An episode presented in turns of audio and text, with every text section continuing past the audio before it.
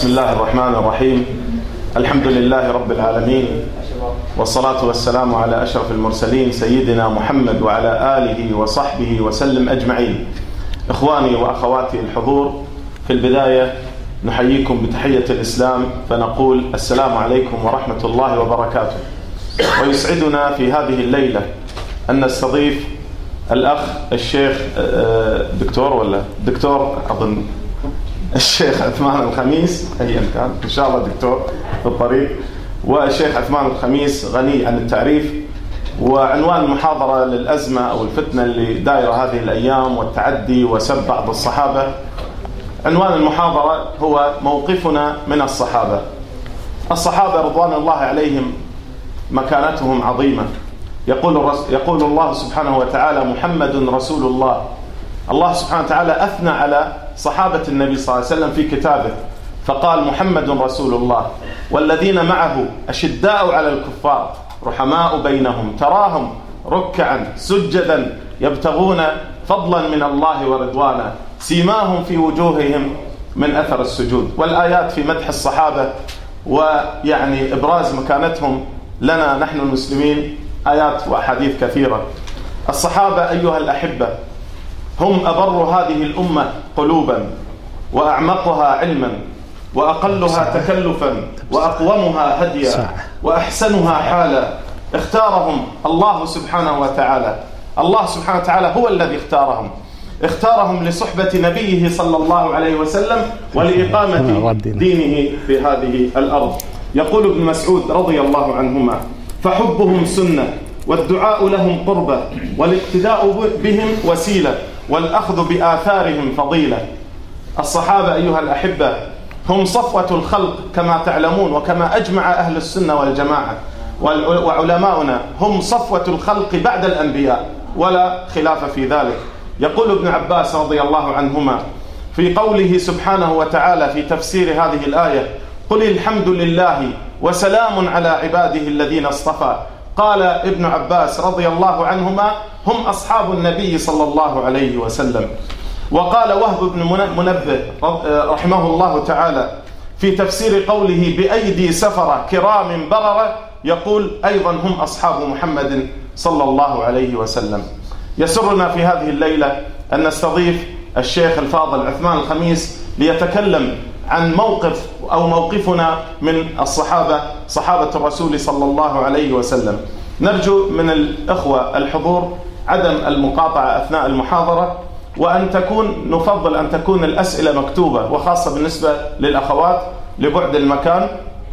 أو لبعد المسافة فنرجو يعني تحضير الأسئلة من الآن إذا كان في شبهات أو في بعض الأسئلة أن تكتب على ورق وترسل إلينا وسوف نخصص وقت إن شاء الله نفتح وقت للأسئلة والحوار وسوف نفتح وقت أيضا للتعليقات والتعقيبات الذي يحب أن يشارك بعد انتهاء آه، الشيخ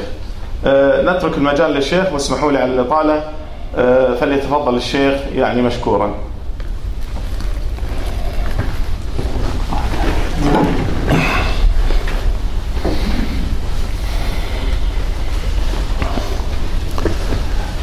السلام عليكم ورحمة الله وبركاته الحمد لله حمدا كثيرا طيبا مباركا فيه الحمد لله على نعمة الإسلام والحمد لله على نعمة الإيمان والحمد لله على نعمة محمد عليه الصلاة والسلام الحمد لله على نعمه التي لا تعد ولا تحصى نحمده سبحانه وتعالى حمدا كثيرا طيبا مباركا فيه نحمده حتى يرضى ونحمده إذا رضي ونحمده بعد الرضا سبحانه وتعالى من الله تبارك وتعالى علينا بنعم كثيرة من أعظم هذه النعم بل أعظمها التي من الله بها علينا أن ميزنا على سائر الأمم وذلك أنه سبحانه وتعالى أنزل علينا خير كتبه وهو القرآن الكريم وأرسل إلينا خير رسله وهو محمد صلى الله عليه واله وسلم وشرع لنا اكمل شرائعه وهي الشريعه السمحاء التي نرفل بها فنحمده سبحانه وتعالى ان الله تبارك وتعالى ارسل الرسل مبشرين ومنذرين وقال في كتابه العزيز وما خلقت الجن والانس الا ليعبدون وكان سبحانه وتعالى يرسل الرسول الى قومه خاصه ثم إذا مات هذا الرسول أرسل رسولا آخر وهكذا وكان الرسول يرسل إلى قومه خاصة فكان الرسول يبعث إلى أناس خاصين في مكان خاص حتى ختم الله تبارك وتعالى الرسل بمحمد عليه الصلاة والسلام فجعل رسالته عامة للثقلين كما قال النبي صلى الله عليه وسلم وكان الرسل قبلي يرسل كل إلى قومه خاصة وبعثت إلى الناس كافة صلوات ربي وسلامه عليه بل على الصحيح أنه أرسل إلى الثقلين إلى الإنس والجن صلوات ربي وسلامه عليه ولما كانت رسالة محمد صلى الله عليه وسلم خاتمة الرسائل الرسل خاتمة الرسائل وكان هو خاتم الرسل صلوات ربي وسلامه عليه وكان لا بد له أن يموت كما قال الله تبارك وتعالى أفإن مت فهم الخالدون وما محمد إلا رسول قد خلت من قبله الرسل أفإن مات أو قتل انقلبتم على أعقابكم لما كان الموت حق كما آه، حقا كما أخبر الله تبارك وتعالى إذا كان لابد لقيام أناس بهذه الرسالة بعد موت النبي صلى الله عليه وسلم خاصة أنه لن يأتي بعده رسول فاختار الله تبارك وتعالى لرسوله أصحابا قال عبد الله بن مسعود إن الله تبارك وتعالى نظر إلى أهل الأرض عربهم وعجمهم فمقتهم إلا بقايا من أهل الكتاب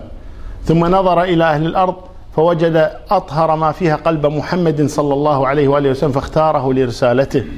ثم نظر فما وجد أطهر من قلوب أصحاب محمد صلى الله عليه وسلم فاختارهم لصحبته فصحبوا النبي صلى الله عليه وسلم وناصروه وأيدوه وبذلوا في سبيل هذا الدين الغالي والنفيس بذلوا أموالهم بذلوا أنفسهم تركوا أهليهم تركوا أوطانهم في سبيل الله تبارك وتعالى وجاء مدح الله لهم وثناؤه عليهم ورضاه عنهم مبينا قبوله سبحانه وتعالى لكل ما قاموا به جل وعلا فقال سبحانه وتعالى محمد رسول الله والذين معه أشداء على الكفار رحماء بينهم تراهم ركعا سجدا يبتغون فضلا من الله ورضوانا ذلك مثلهم في التوراة ثم قال ومثلهم في الإنجيل كزرع أخرج شطأه فآزره فاستغلظ فاستوى على سوقه يعجب الزراع ليغيظ بهم الكفار يقول الإمام مالك لا يغتاظ من أصحاب محمد إلا كافر لأن الله قال ليغيظ بهم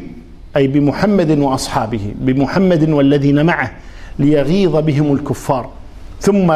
قال الله تبارك وتعالى عن محمد صلى الله عليه وسلم وأصحابه لقد رضي الله عن المؤمنين إذ يبايعونك تحت الشجرة فعلم ما في قلوبهم أي من الإيمان والتقوى والصدق والمحبة والإخلاص واليقين والإخبات لله تبارك وتعالى فجاءت النتيجة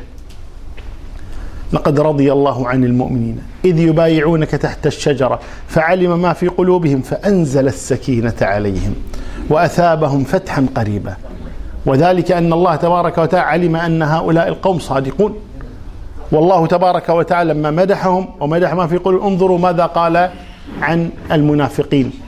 يقول الله تبارك وتعالى إذا جاءك المنافقون قالوا نشهد إنك لرسول الله والله يعلم إنك لرسول والله يشهد إن المنافقين لكاذبون كذبهم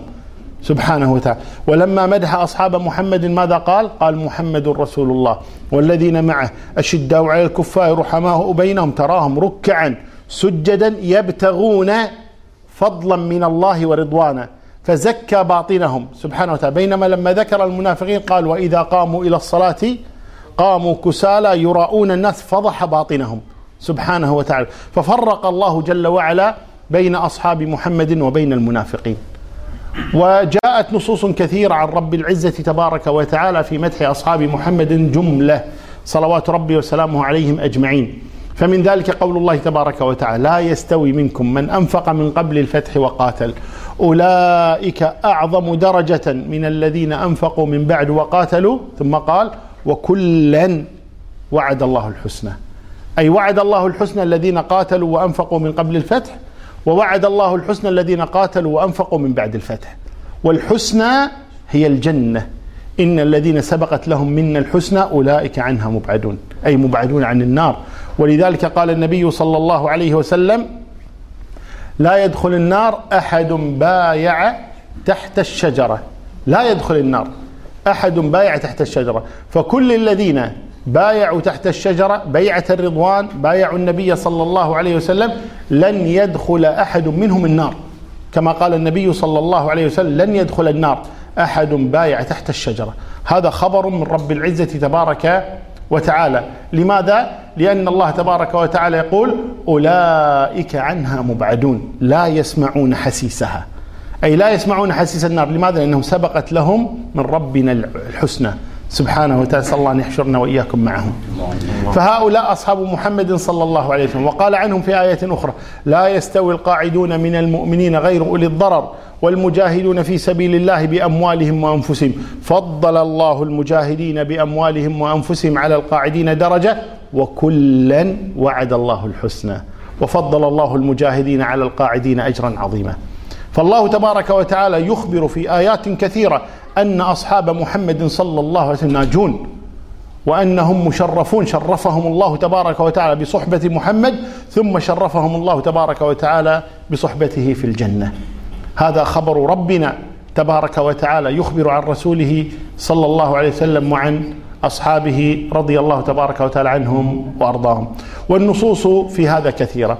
وآخذ نصا أختم به الكلام في نصوص القرآن عن أصحاب محمد صلى الله عليه وسلم يقول ربنا تبارك وتعالى والسابقون الأولون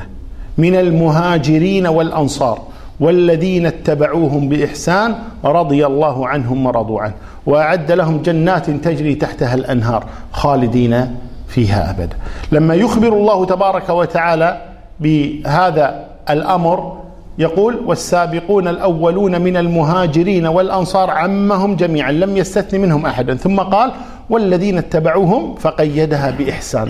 ولم يقل والذين اتبعوهم وإنما قيدها بإحسان طيب لم يذكر الإحسان بالنسبة لهم قال أهل العلم لأن جميعهم محسن كلهم محسنون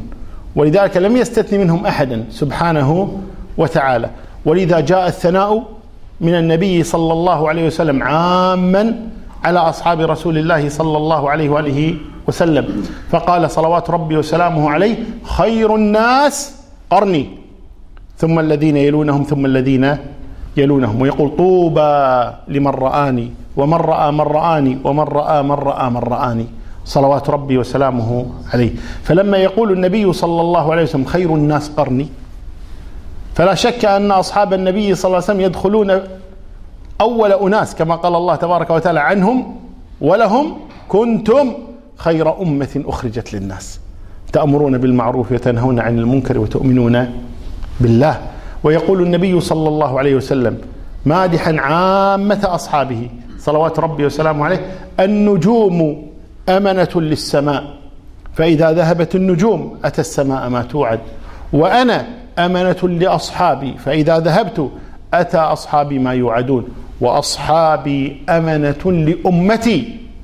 فإذا ذهب أصحابي أتى أمتي ما تؤد وهذه الأحاديث كلها في الصحيحين ما عدا هذا الحديث الأخير في صحيح مسلم يخبر بها النبي صلى الله عليه وسلم عن أصحابه ثم يقول صلوات ربي وسلامه عليه لا تسبوا أصحابي فوالذي نفسي بيده لو أنفق أحدكم مثل أحد ذهبا ما بلغ مد أحدهم ولا نصيفه المد هذا هو المد الذي يملأ الكفين ما تملأ به ضع كفيك متقاربتين ثم املأهما هذا هو المد ولذلك كان النبي يتوضأ بالمد أي ما يملأ الكأس صلوات ربي وسلامه عليه ويغتسل بالصاع صلى الله عليه وسلم قال لو أنفق أحدكم مثل أحد أحد سلسلة جبال يقول لو أنفق أحدكم مثل أحد ذهبا ما بلغ مدا قدمه أصحاب رسول الله صلى الله عليه وسلم ولا نصيفه نصف المد ما يملأ كفا واحدة هكذا يخبر النبي صلى الله عليه وسلم عن أصحابه وينهى عن سبهم وينهى عن الطعن بهم ويأمر بالترضي عنهم صلوات ربي وسلامه عليه ويقول الله الله في أصحابي لا تتخذوهم غرضا بعدي يثني عليهم صلوات ربي وسلامه عليه ثم أصحاب النبي صلى الله عليه وسلم ليسوا سواء كما أن الأنبياء ليسوا سواء كما قال الله تبارك وتعالى تلك الرسل فضلنا بعضهم على بعض فالرسل بعضهم أفضل من بعض وكذا الأنبياء فكذلك أصحاب النبي صلى الله عليه وسلم وعامة الناس كذلك بل حتى الملائكة بعضهم أفضل من بعض وكذلك أصحاب النبي بعضهم أفضل من بعض كما ذكرنا قول الله تبارك وتعالى لا يستوي منكم من أنفق من قبل الفتح وقاتل أولئك أعظم درجة من الذين أنفقوا من بعد وقاتلوا وقال لا يستوي القاعدون من المؤمنين غير أولي الضرر والمجاهدون في سبيل الله بأموالهم وأنفسهم فالله تبارك وتعالى بين أنهم لا يستوون عنده وكذلك الأمر فإن أصحاب النبي صلى الله عليه وسلم على منازل ودرجات ولذلك نص أهل العلم على أن أفضل أصحاب النبي صلى الله عليه وسلم هم العشرة العشرة المبشرون في الجنة الذين جاءوا في حديث واحد وهم أبو بكر وعمر وعثمان وعلي وطلحة والزبير وعبد الرحمن وسعد وسعيد وأبو عبيدة هؤلاء جاءوا في حديث واحد هؤلاء العشرة فقال أصحاب فقال أهل العلم هؤلاء أفضل أصحاب النبي على الإطلاق والأصل أن المهاجرين أفضل من الأنصار ثم بعد ذلك أصحاب بدر أفضل من الذين لم يحضروا بدرا والذين حضروا بيعة الرضوان أفضل من الذين لم يحضروا بيعة الرضوان لكن في كل خير فنحن إن كنا لا نساويهم أو لا نساوي بينهم في الفضل لا يعني هذا أن نطعن بين المفضول ونميز عليه الفاضل فنطعن في هذا ونمجد هذا هذا لا يجوز بل نثني عليهم جميعا ونترضى عنهم جميعا وهكذا كان هدي علماء هذه الامه من التابعين إلى أتباع التابعين إلى يومنا هذا إلى أن يرث الله الأرض ومن عليها سلف هذه الأمة وخلفها الصالح هم على هذا الطريق يرون أن الطعن في أصحاب النبي صلى الله عليه وسلم من كبائر الذنوب وأنه لا يجوز أن يطعن في أصحاب النبي صلى الله عليه وسلم لأن الطعن في أصحاب النبي هو طعن في الذي اختارهم أصحابا له وهو الله سبحانه وتعالى أو محمد صلى الله عليه واله وسلم رضيهم الله لصحبه محمد صلى الله عليه وسلم ورضيهم محمد صلى الله عليه وسلم لصحبته صلوات ربي وسلامه عليه فالطعن فيهم طعن في النبي وطعن في الله سبحانه وتعالى وهذا الكلام لا يعني ابدا اننا ندعي فيهم العصمه ابدا اذا اذا كان اهل العلم اختلفوا في العصمه في الانبياء صلوات ربي وسلامه أنه يقع الخطأ من النبي فكيف كما قال وعصى آدم ربه فغوى وقال عن موسى عليه الصلاة والسلام أنه قال لأخيه هارون أو قال له أخوه هارون قال يا ابن أم لا تأخذ بلحيتي ولا برأسي وقال لنبيه محمد صلى الله عليه وسلم يا أيها النبي لم تحرم ما أحل الله لك وقال عن يونس عليه الصلاة والسلام إذ أبق إلى الفلك المشحون والإباق هو الخروج عن الطاعة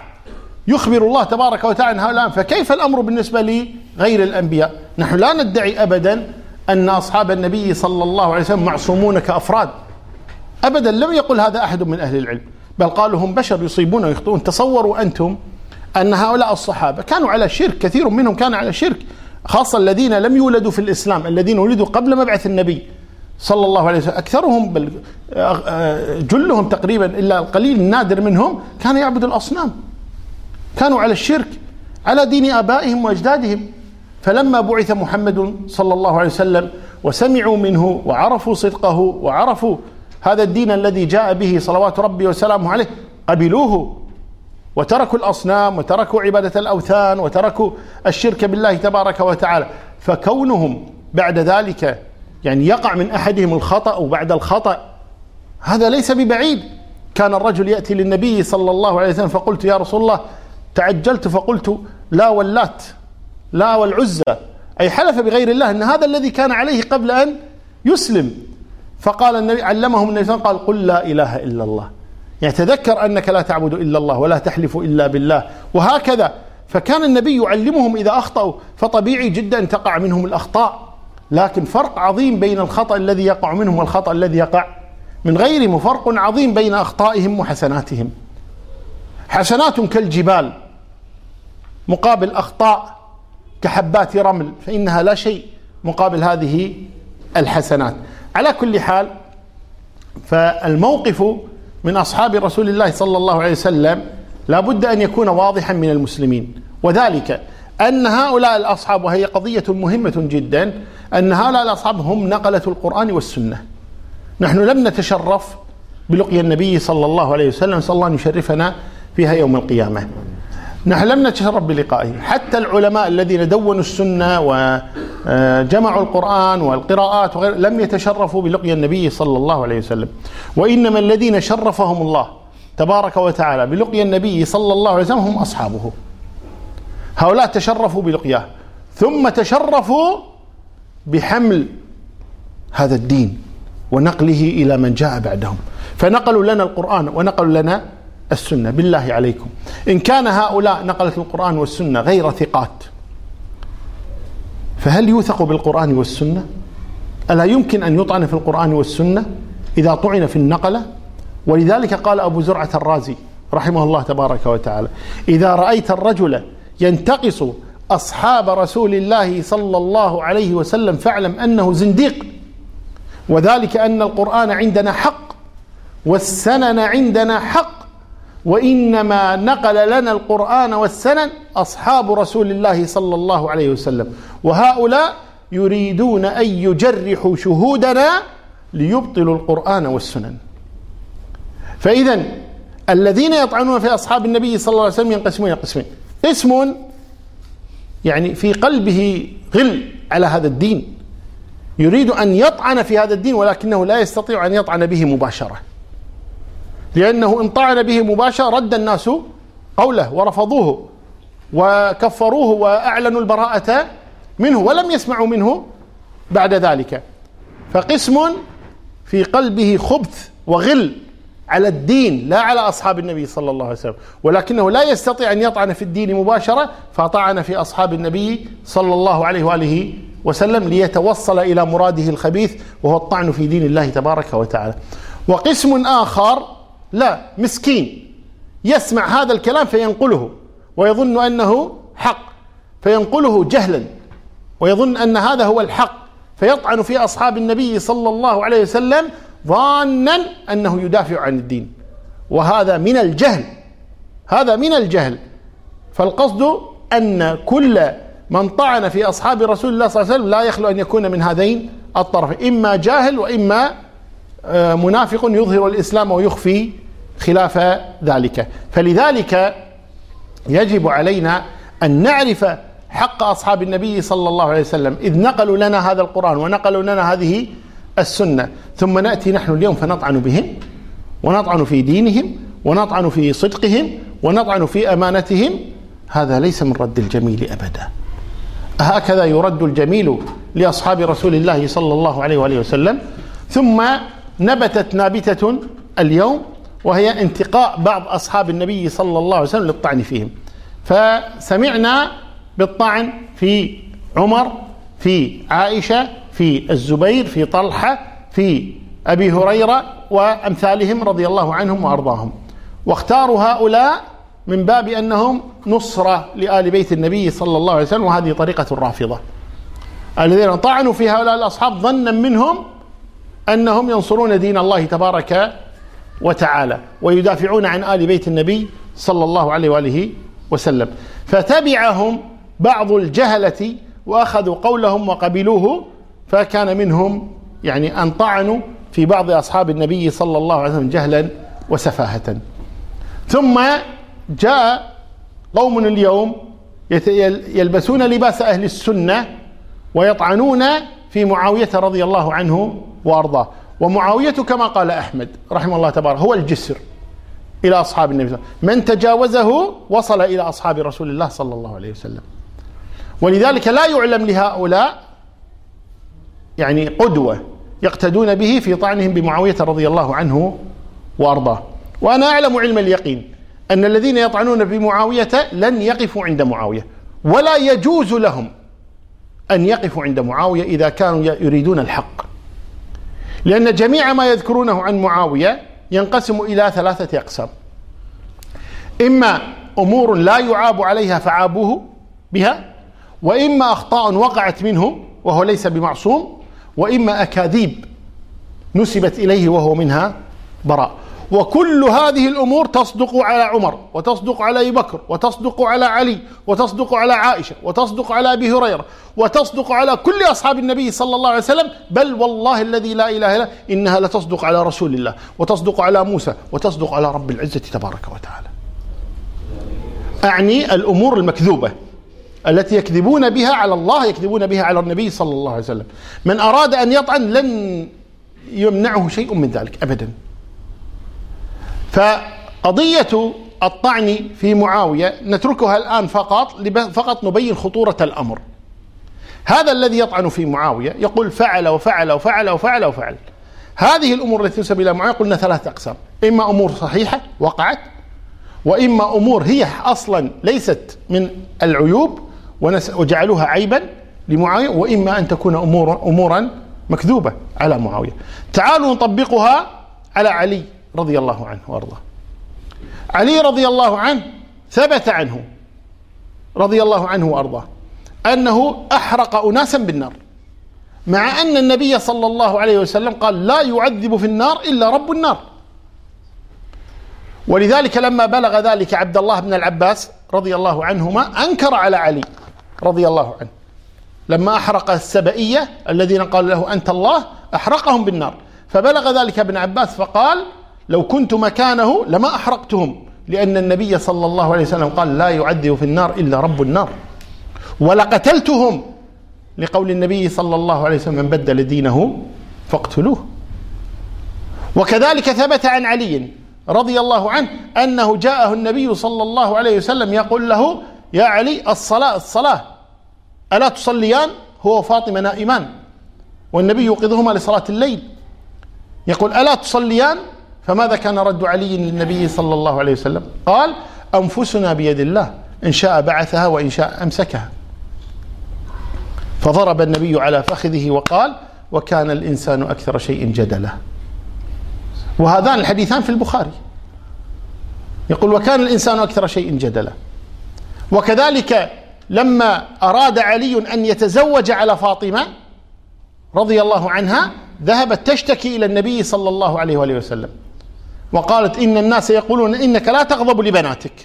وهذا ابن أبي طالب يريد أن يتزوج ابنة أبي جهل فصعد النبي المنبر صلوات ربي وسلامه وقال فاطمة بضعة مني يريبني ما رابها ويؤذيني ما أذاها وإن آل عمرو بن هشام جاءوني يسألوني زواج علي من ابنتهم ألا إني لا آذن إلا أن يشاء ابن أبي طالب أن يطلق فاطمة وهذا حديث الصحيحين وهنا علي أغضب فاطمة رضي الله عنه وعنها وكذلك في الحديبية لما جاء علي رضي الله عنه وكتب الصلح بين النبي صلى الله عليه وسلم وسهيل بن عمرو كتب هذا ما عاهد عليه محمد رسول الله سهيل بن عمرو فقال له سهيل لا تكتب رسول الله فإنا لا نؤمن أنك رسول الله كيف أوقع على شيء أنك رسول الله أنا لا أقبل أنك رسول الله فقال النبي لعلي امحها يا علي قال لا امحوها قال امحها يا علي قال لا امحوها قال ضع يدي عليها فوضع يده فمحاها النبي بيده لو كان معاوية الذي فعل ذلك والنبي يقول له امحوها يقول لا امحوها لقاموا الدنيا وما اقعدوها هو يعلم النبي هو النبي لا يدري وهكذا ويطعنون فيه لو جاء إنسان اليوم الآن من الخوارج أو النواصب الذين يبغضون عليا رضي الله عنه وأخذوا هذه الأمور وجعلوها مطاعنة على علي رضي الله عنه ثم زادوا عليها أكاذيب على علي رضي الله عنه أنه فعل كذا وفعل كذا وفعل كذا وفعل كذا وإن شئتم أضفت إليها غيرها لو قال قائل كما قال هذا الذي ينقلون عنه عدنان إبراهيم وغيره يقول قتل معاوية سبعين ألفا لأجل الخلافة لو عكسها الخوارج والنواصب قبحهم الله وقالوا علي قتل سبعين ألفا لأجل أن ينال الخلافة لما كان قولهم بعيدا يقول علي يقاتل يقتل سبعين ألف أجل فقط أن يحصل الكرسي يقاتل معاوية يقاتل أهل الجبل فقط أساس يتمسك بالخلافة ويطعنون على علي بذلك لن يجدوا يعني آه، أحسن من ذلك ثم يتجاوز عليا فيطعن في عمر رضي الله عنه فيقول عمر أبطل سهم ذوي القربى عمر ابتدع التراويح عمر آه، رضي الله عنه حرك المقام كان ملصقا بالكعبة فأخره رضي الله عنه عمر آه، لم يعطي الجدة عمر عمر عمر عمر فينسبون إلى عمر أمورا وقعت منه رضي الله وينسبون إليه أمورا لم تقع منه فقط للطعن في عمر ثم يتجاوزون عمر إلى رسول الله صلى الله عليه وسلم وكلكم يعلم الشبهات التي يطلقها النصارى اليوم في الانترنت على النبي صلى الله عليه وسلم أنه رجل كان يحب النساء تزوج إحدى عشرة امرأة وأن الرسول صلى الله عليه وسلم كان يصطفي لنفسه ما شاء وأن النبي صلى الله عليه وسلم كان لا يقاتل وإنما يأمر الناس بالقتال وهو لا يشاركهم في القتال فيطعن في النبي صلى الله عليه وسلم ثم يأتي بالآيات عبس وتولى يقول انظروا إلى أخلاق محمد صلى الله عليه وسلم يا أيها النبي لما تحرم ما أحل الله لك فهو يحرم ويحلل من عند نفسه لا من عند الله تبارك ويطعنون في النبي صلى الله عليه وسلم ثم يتجاوزون الأمر إلى ذلك فيطعنون في رب العزة تبارك وتعالى كما قال الخبيث القصيمي لما قال الكون يحاكم الله سبحانه وتعالى وبدأ يطعن في حكمة الله وفي أمره ونهيه جل وعلا إن هذا الدرب درب خطير الإنسان إذا سلكه لن يقف ولن يستطيع أن يقف وسيطالب بما قرره في في الأمر في المرة الأولى وهذه السنة إذا سنها لزمه أن يستمر بها فإذا طعن في معاوية لهذه الأمور التي صحت أو له عذر فيها أو أخطاء وقع فيها سيأتي إلى علي وسيأتي إلى عائشة وسيأتي إلى عمر وسيأتي إلى الرسول بل يأتي إلى رب العزة تبارك وتعالى فالأمر جد خطير جد خطير وليست المسألة يعني بهذا التساهل وهذا لا يعني أننا نغض الطرف عما وقع لا إذا كان وقع منهم أخطاء نقول نعم وقعت أخطاء وقع كذا وقع كذا وقع كذا لكن لا على سبيل الطعن فإنهم قد أفضوا إلى ما قدموا ولا يجوز لنا أن ننسى محاسنهم وأعمالهم الخيرة المسور ابن مخرمة دخل على معاوية رضي الله عنه فقال له إني أريد أن أكلمك قال قل ما شئت فصار ينكر عليه فعلت كذا فعلت كذا فعلت كذا فعلت كذا فقال له معاوية أترى أنها ذنوب قال نعم قال أتظنني بعيدا عن الذنوب قال لا قال لك ذنوب قال نعم قال ولي حسنات قال نعم قال ألا ترى ما ألي به من أمور الناس أليس لي فيه حسنات أليست الحسنة بعشر أمثالها قال نعم قال فلماذا تذكر ذنوبي وتترك حسناتي فسكت المسور فرجع إليه معاوية فقال يا مسور ألك ذنوب قال نعم قال ترجو أن يغفرها الله لك قال أرجو ذلك قال ما الذي جعلك أرجى لرحمة الله مني فإن على دين يقيل العثرات ويقبل الحسنات فقال المسور فخصمني يعني غلبني ما استطعت أن أرد عليه هذا ديننا هذا دين رب العزة تبارك وتعالى فالقصد أن الطعن في معاوية إذا قالوا وقع منه كذا وقع منه نعم يقع ما المشكلة يعني خاصة أن معاوية رضي الله عنه ليس من السابقين ليس من العشر المبشرين ليس من المتقدمين من أصحاب النبي صلى الله عليه وسلم طبيعي يقع منه أخطاء ما المشكلة يعني لكن أن يتخذ غرضا أن لا يكون الهم إلا الطعن في معاوية أنا راجعت ما قرأ قاله هذا عدنان إبراهيم الذي يتبعه البعض وجدته يكذب ويغير الروايات ويدلس ويأتي برواية ضعيفة فقط ليثبت ما قاله فالقصد إذن أن هذا الكلام يعني باطل ولا يجوز في أصحاب النبي صلى الله عليه وسلم وأنا أترك المجال الآن للمشاركة والأسئلة إن شاء الله تعالى حتى لا أستأثر بالوقت كله بالحديث لأن آه، ما قلته أظن فيه كفاية إن شاء الله تعالى وأستمع إليكم إن شاء الله تفضلوا بارك الله فيكم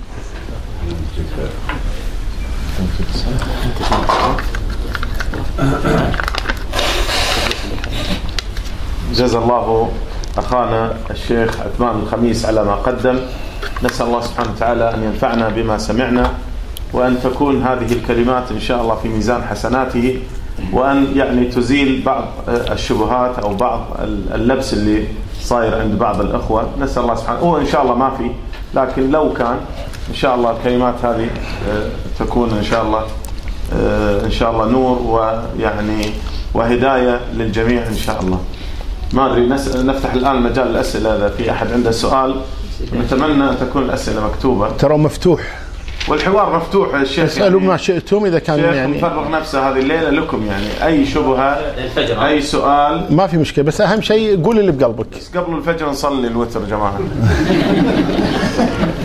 انا الامام اكيد انت الامام فاذا ما في اسئله انا ببدا عندي كتبت بعض الملاحظات آه، شيخنا طبعا يحتج كثير من الناس ب في اسئله دكتور وليد خليك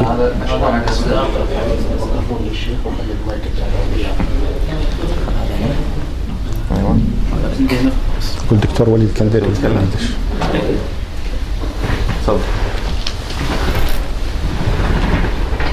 أمم. نحتته نشكرك شيخنا على حضورك وتعنيك لنا الله يبارك فيك آه، انا راجعت كلام او سمعت آه، كلام عدنان ابراهيم كثير والله الذي لا اله الا هو ما استطيع ان اكمل ربع ساعه الا اوقفه واستغفر الله لما يقول ثم ارجع نعم. حتى اني انا فرغت يمكن المحاضره هي كلها عندي في الاوراق وراجعت روايات كثير يذكر بعض الروايات يعني حتى رواية ابن كثير كان يذكرها ولم يذكر رأي ابن كثير فهذا ليس بأهل لنقل العلم وهذا طعن يعني, يعني أنت صاحب علم أو أنت مسمي نفسك علامة لما تدخل على الموقع ولا تذكر رأي الشيخ أو رأي ابن كثير في المسألة عقب ما تذكر الرواية هذا من أكبر التدليس نعم وأول ما بدأ قال معاوية هذا قال عنه النبي هذا سيفسد ملكي بحثت فلم أجد أصل لهذا الحديث نعم. إلا إذا تفيدنا شيخ إذا في أصل لهذا الحديث ما أدري لكن بحثت أنا في هذه الرواية فلم أجدها فعلمت من أول كلامه أنه يكذب فعلمت من أول كلامه أنه يكذب ثم يحتج هو ويقول أن بني أمية لم يكن فيهم العدل الخلافة الأموية لم يكن فيها العدل إلا اثنان معاوية بن يزيد بن معاوية وقال آه، الخليفة السادس الراشد عمر بن عبد العزيز أنا الصراحة رديت عليه كتبت له بالتويتر أنت تقول عمر بن عبد العزيز آه، رحمه الله هو الخليفة السادس لكن وهو الخليفة العادل واشتهر بعدله رحمه رحمه الله لكن لماذا لم تقل ما قاله في في في أصحاب النبي صلى الله عليه وسلم وفي معاوية فقلت أنا أقول لك ما قال قال عمر بن عبد العزيز وهذا موجود في لمعة الاعتقاد حق ابن قدام المقدسي ذكر قال عمر بن عبد العزيز رضي الله عنه كلاما معناه قف حيث وقف القوم فإنهم عن علم وقفوا وببصر نافذ كفوا وهم على كشفها كانوا أقوى وبالفضل لو كان فيها أحرى فلئن قلتم حدث بعدهم فما أحدثه إلا من خالف هديهم ورغب عن سنتهم ولقد وصفوا منه ما يشفى وتكلموا منه بما يكفي فما فوقهم محسر وما دونهم مقصر لقد قصر عنهم قوم فجفوا وتجاوزهم آخرون فغلوا وإنهم فيما بين ذلك لعلى هدى على هدى مستقيم هذا عمر بن عبد العزيز ذكر في فضل الصحابة فلماذا لم يذكر عدنان إبراهيم إنه يأخذ يأخذ ما يشتهي من كلامه ليروج لضرب الصحابة و كمن قال فويل للمصلين ولم يذكر الآية ولم يتم باقي الآية ولم يكملها فقال فويل للمصلين الذين هم عن صلاتهم ساهون لزالت الشبهة فهو قال فويل للمصلين فوقف عند هذا آه محمد نعطيك دقيقتين بعد اساس نفتح المجال للاخرين ماشي ان شاء الله تفضل تفضل آه آه النقطة الثانية اللي عندي انا حتى ذكره في كتاب آه لمعة الاعتقاد ابن قدامة المقدسي قال باب فضل الصحابة ثم قال باب فضل أو ذكر فضل معاوية خال المؤمنين سماه ابن قدامة المقدسي رحمه الله ويش ويشرح هذا الشيخ ابن ابن عثيمين رحمه الله فيقول لأن كأنه يرى بنور الله وأن هناك خوارج يخرجون ويقولون ويضربون معاوية رضي الله عنه او كما قال يعني ما ما ذكرت نص الكلام حتى لا يقال انك انت ما نقلت هذا هذا ما عندي وجزاكم الله خير بس انا نعم. سؤالي كل ما نقول لهم اجماع الامه قالوا قالوا من هم الامه؟ من هم العلماء الامه؟ كل كل نقول يا جماعه اجماع الصحابه التابعين من هم الاجماع؟ انا ابي بس شيخنا ترد على الكلمه وجزاكم قبل لا يرد الشيخ انا بتكلم شوي جزاك الله خير الأخ محمد داوود على التعقيب أنا أرجو التعقيب والتعليق يكون في الأخير حتى نفسح مجال للأسئلة وبعدين في النهاية إن شاء الله نعلق ما في مشكلة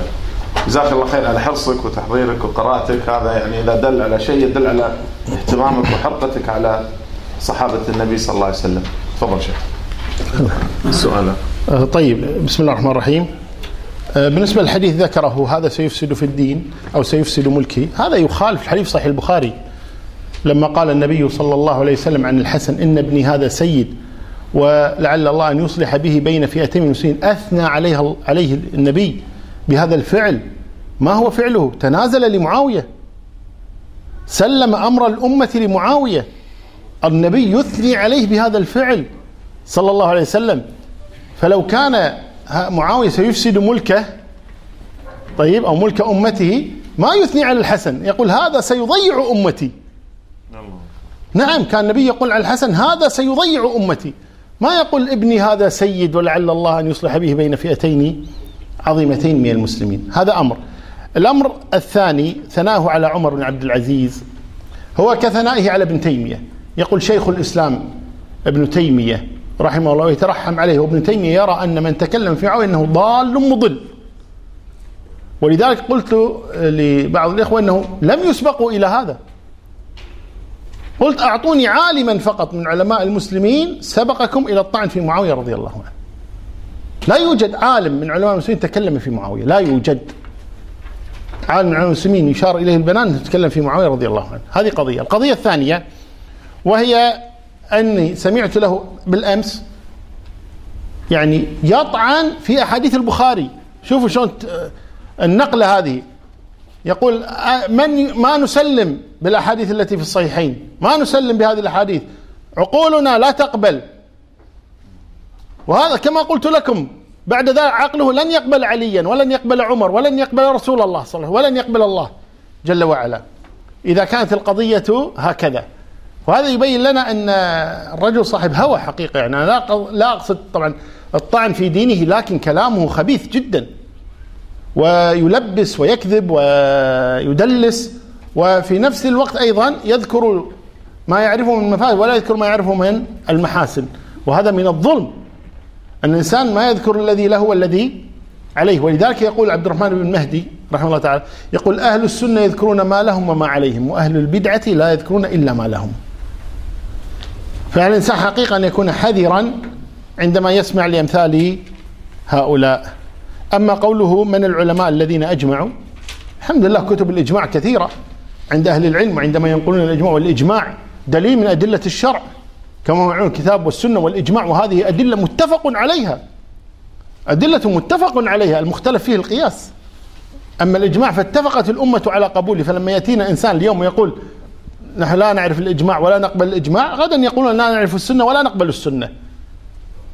والعياذ بالله نعم تفضل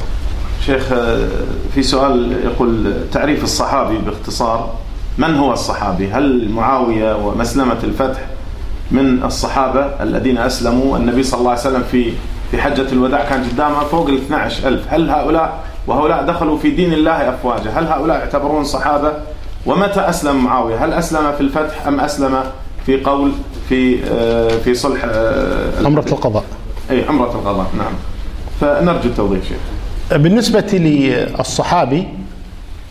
آه، الصحابي يعني إما أن يكون معناه في اللغة أو معناه في الشرع في الاصطلاح في اللغة الصحابي كل من صحب شخصا يقال فلان صاحب فلان وغالبا ما تطلق على الذي يلازمه ويكثر من صحبته لكن تطلق في اللغة فلان صحب فلان ولو مرة واحدة ولو جلس معه ساعة أو أقل من ساعة يقال صحبه ولكن غالب ما تستخدم هذه الكلمة لمن صحبه مدة طويلة ولذلك قال النبي صلى الله عليه وسلم عبد الله بن أبي بن سلول قال لا يقال إن محمدا يقتل أصحابه وقال عن ذو الخويصر التميمي لما أراد بعض الصحابة قتله قال لا يقال أن محمدا يقتل أصحابه فقال عنه إنه من أصحابه فالقصد أن هذا التعريف تعريف في اللغة في كلام الناس أن فلان صاحب فلان إذا هو من أصحابه أما التعريف الذي تسالم عليه أهل العلم في تعريف الصحابي الذي يقبل حديثه إذا حدث عن النبي صلى الله عليه وسلم فيقولون هو أي الصحابي كل من لقي النبي صلى الله عليه وسلم مؤمنا به ومات على ذلك فقالوا كل من لقي النبي ليخرج من لم يلقه لم يتشرف بلقيا النبي كأويس القرني وأبي مسلم الخولاني وأبي إدريس الخولاني وأبي عبد الله الصنابحي أو أبي عبد الرحمن الصنابحي مختلف في اسمه يعني أمثال هؤلاء لم يتشرفوا بلقيا النبي صلى الله عليه وسلم مع أنهم عاشوا في زمنه لكن لم يتشرفوا بلقيا أنهم لم يكونوا من أهل المدينة فيقال لهم صحابة فهؤلاء ليسوا بصحابة كل من لقي النبي مؤمنا به ليخرج من لم يؤمن به كأبي جهل وأبي لهب وأبي طالب وأمية بن خلف وأبي بن خلف والمنافقون وغير ذلك هؤلاء لقوا النبي لكن لم يكونوا مؤمنين به فلا يدخلون في تعريف الصحابي من لقي النبي صلى الله عليه وسلم مؤمنا به ومات على ذلك ليخرج المرتدون الذين ارتدوا على الاسلام بعد وفاه النبي صلى الله عليه وسلم ففي حياته كان ظاهرهم انهم من اصحابه فلما مات ارتدوا عن دين الله تبارك وتعالى لا أحد من أهل العلم يقول أنهم صحابة فعندما يتكلم أهل العلم يقول فلان فلان صحابي يذكر يقصدون أنه لقي النبي مؤمنا به ومات على ذلك واختلف أهل العلم في صغار الصحابة هل يعتبرون من الصحابة أو لا يعتبرون من الصحابة خاصة الذين لم يعقلوا يعني مات النبي وهم صغار لم يعقلوا كمحمد بن أبي بكر الصديق مثلا محمد بن أبي بكر الصديق توفي النبي صلى الله عليه وسلم عمره أربعة أشهر لكن أتي به إلى النبي وحنكه النبي صلى الله عليه وسلم طارق بن شهاب مات النبي صلى الله عليه وسلم وعمره سنة يعني هؤلاء الصغار اختلف أهل العلم سهل بن سعد مات النبي صلى الله عليه وسلم أربع سنوات الحسن والحسين مات النبي صلى الله عليه وسلم للحسين ست سنوات وللحسن سبع سنوات يعني هؤلاء الصغار هؤلاء لم يلازموه لم يكونوا معه دائما صلوات ربي وسلامه فبعض اهل العلم قال ليسوا بصحابه لكن الصحيح ان هؤلاء كلهم صحابه حتى محمد بن ابي بكر على خلاف بين اهل العلم هل يعتبر صحابيا او لا يعتبر صحابيا لكن القصد ان تعريف اهل العلم من لقي النبي مؤمنا به ومات على الذين حجوا مع النبي 120 الف هؤلاء الذين حجوا مع النبي صلى الله عليه وسلم نعم يعدون صحابة ولكن كثير منهم لم يروي عن النبي صلى الله عليه وسلم وإنما تشرف برؤيته أو بلقائه إذا كان أعمى تشرف بلقي النبي صلى الله عليه وسلم ترى قال هذا هو النبي صلى الله عليه وسلم فهذا شرف الصحبة يقال له لكن عندما تأتي الصحابي الذي يقبل حديثه ترى الذين رووا أحاديث النبي صلى الله عليه وسلم لا يتجاوزون أربعة آلاف فقط والذين عدهم الحافظ ابن حجر في كتابه الإصابة هو أكبر كتاب جامع لأصحاب النبي صلى الله عليه وسلم 12 ألفا تقريبا فقط 120 ألف غير معروفين هؤلاء لكن يعلم أنهم حجوا مع النبي وأنهم رآهم ورأوه كذا لكن لا يعرفون بأسمائهم بمن فلان بن فلان بن فلان جلس مع النبي أو كذا لا يعلم لكن حجوا مع النبي صلى الله عليه وآله وسلم فنحن عندما نتكلم عن الصحابة لما ندافع عن الصحابة رضي الله عنهم نعم كل من لقي النبي مؤمنا به ومات على ذلك هؤلاء هم أصحاب النبي صلى الله عليه وسلم ومعاوية رضي الله عنه أسلم في عمرة القضاء أي في السنة السابعة من الهجرة وكتم إسلامه لما خاف من والده حتى كان الفتح فأعلن إسلامه والله لو أسلم قبل وفاة النبي صلى الله عليه وسلم بيوم واحد فهو صحابي من أصحاب النبي صلى الله عليه وسلم فكيف وهو أدرك من حياة النبي صلى الله عليه وسلم ثلاث سنوات سنة الفتح الثامنة والتاسعة والعاشرة والحادية عشرة توفي النبي في بداية الحادية عشرة صلوات ربي وسلامه عليه نعم شيخنا هناك مجموعة من الأسئلة محورها واحد يعني احنا نقرأها بسرعة آه، السؤال يقول ما هو دورنا إذا كان أبنائنا مع من طعن في معاوية وفي من مع معاوية آه، علما بأنك تقول من طعن في صحابة النبي صلى الله عليه وسلم قد يدخل في دارة الفسق أو الكفر يعني ونفس السؤال ما حكم من يتبع عدنان إبراهيم هذا السؤال صريح شوية وكيف نتصرف معهم وكيف نعاملهم هل نقاطعهم هل نعاملهم بالحسنى هل نأخذهم بالشدة آه، يصل أيضا السؤال الأسئلة كلها يعني في نفس الإطار هل آه، من الواجب أن تتطلق المرأة إذا كان زوجها يطعن في معاوية وفي بعض الصحابة إلى هذه الدرجة السؤال هذا أيضا نفس المحور آه، بعض الآباء يتصرفون مع أبنائهم بشدة من الذين يعني يقعون في معاوية ويشتمونه آه، منهم من يعني قاطعهم منهم على وشك أن يطرده من البيت إذا تمادى آه، يقول القرار سوف يمكن يضيع الأبناء لكن نرى أنهم الأفضل متابعتهم ونرجو أن توضح هذه النقطة شيخ يعني كل الأسئلة في من يتعامل مع هؤلاء او يتبع الشيخ عدنان او غيره هل يجوز ان يعني شلون نتصرف معاهم هل نطردهم واذا طردناهم يمكن يتلقاهم عدنان ابراهيم وغيره ويعني نتركهم لهؤلاء فنرجو التعليق بسم الله الرحمن الرحيم ولا شك ان مثل هذه الامور يعني تؤلم وتحزن وتدمي القلب أن يجد الإنسان ابنه أو ابنته وقد تبنى مثل هذه الأقوال وهذه ضريبة ضريبة آه، العلم آه، آه، هذه العصرنة الجديدة هذه ودخول الانترنت وغير ذلك هذه ضريبة أن الإنسان يبدأ يعني يتلقى من غير أبيه من غير أمه من غير مدرسيه يتلقى من أجانب من غرب من كذا وقد يتأثر خاصة إذا كان الثاني كما قال النبي صلى الله عليه وسلم أخشى عليكم يعني آه، الأئمة يعني المضلين يعني أحيانا الإنسان يكون عليم اللسان فيؤثر في غيره أنا وجهة نظري حقيقة أن هؤلاء الأبناء والبنات إذا كانوا متأثرين بمثل هذه الأقوال أن يناقشوا يطلب منهم أن يناقش تعال ناقش ويؤتى بمتخصص بمهتم ب من يعرف هذه الامور ويجلس معه تعال ناقش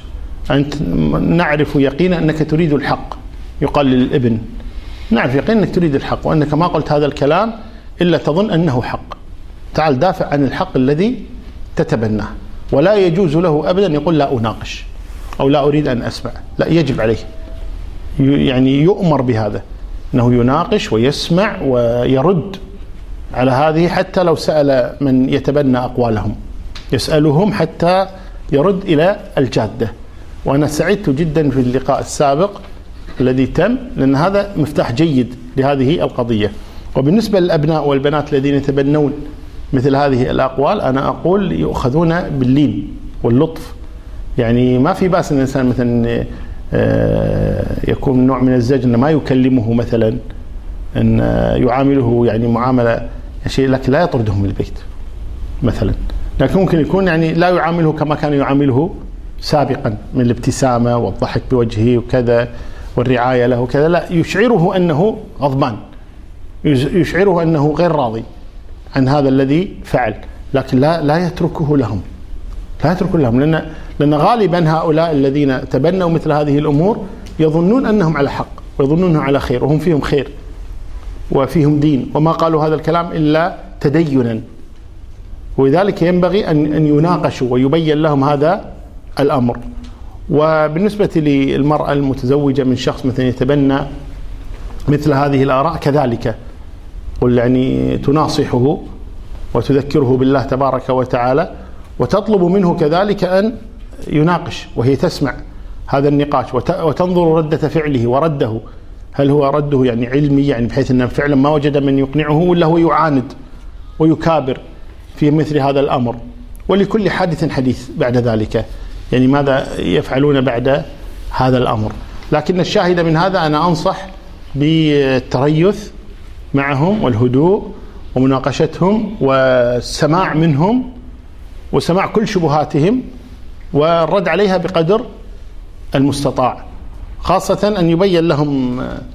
مستوى هذا الرجل الذي يعني يتبعونه أو يأخذون بأقواله كيف أنه يدلس ويكذب يعني كمثال فقط يعني لما ذكر حديثا في سنن أبي داود أنه دخل المقدام بن معد يكرب على وعاه رجل أسدي على معاوية فقال رواه أبو داود وإسناده صحيح وصححه الألباني وكذا فقال آه، آه، مات الحسن فقال له معاوية أتراها مصيبة ثم يبدأ يعلق تعليقات سخيفة جدا معاوية لا يراها مصيبة أنت يا معاوية المصيبة أنت اللي كذا أنت اللي كذا لما رجعت إلى سنن أبي داود وإلا فيه فقال رجل أتراها مصيبة وليس معاوية وهو نسب هذا القول إلى معاوية كذبا وزورا فلذلك أنا أقول هذا الرجل يدلس ولا يأتي بالأحاديث على وجهها فأنا أقول يجب أن يحذر منه يحذر منه رجل ليس نظيفا غير ما قلت لكم الآن من أنه ذكر قضية الطعن في الأحاديث يقول ما في شيء اسمه حديث مسلم مع أن الأمة أجمعت على قبول ما في الصحيحين يقول لا ما في شيء اسمه إجماع على قبول ما في الصحيحين كل شيء قابل للنقاش كل شيء قابل للطرح كل شيء قابل لكذا هذه المدرسة العقلانية الحديثة يعني التي تقبل الطعن فيها سيأتي غدا إنسان يقول أنا عقلي لا يقبل عذاب القبر ويأتي ثالث يقول عقلي لا يقبل صراط فوق الجن فوق النار ويأتي ثالث يقول عقلي لا يقبل أن الأعمال توزن يوم القيامة ولا ينتهي هذا الأمر أبدا إذا حكمنا العقول على شرع الله تبارك وتعالى شيخ تكملة جعد إكمال للأسئلة هذه اللي انطرحت يقول إذا استمر الأبناء وعاندوا ولم ينفع, ينفع معهم اللين والكلام الطيب مثل ما تفضلت المناقشة وإذا اجتمعنا معاهم وحاولنا يمين قلبناها يمين وياهم يسار لكن ما زالوا مصرين على فكرهم بعد ذلك الخطوة التي تلي أنا أقول لا نسبق الأحداث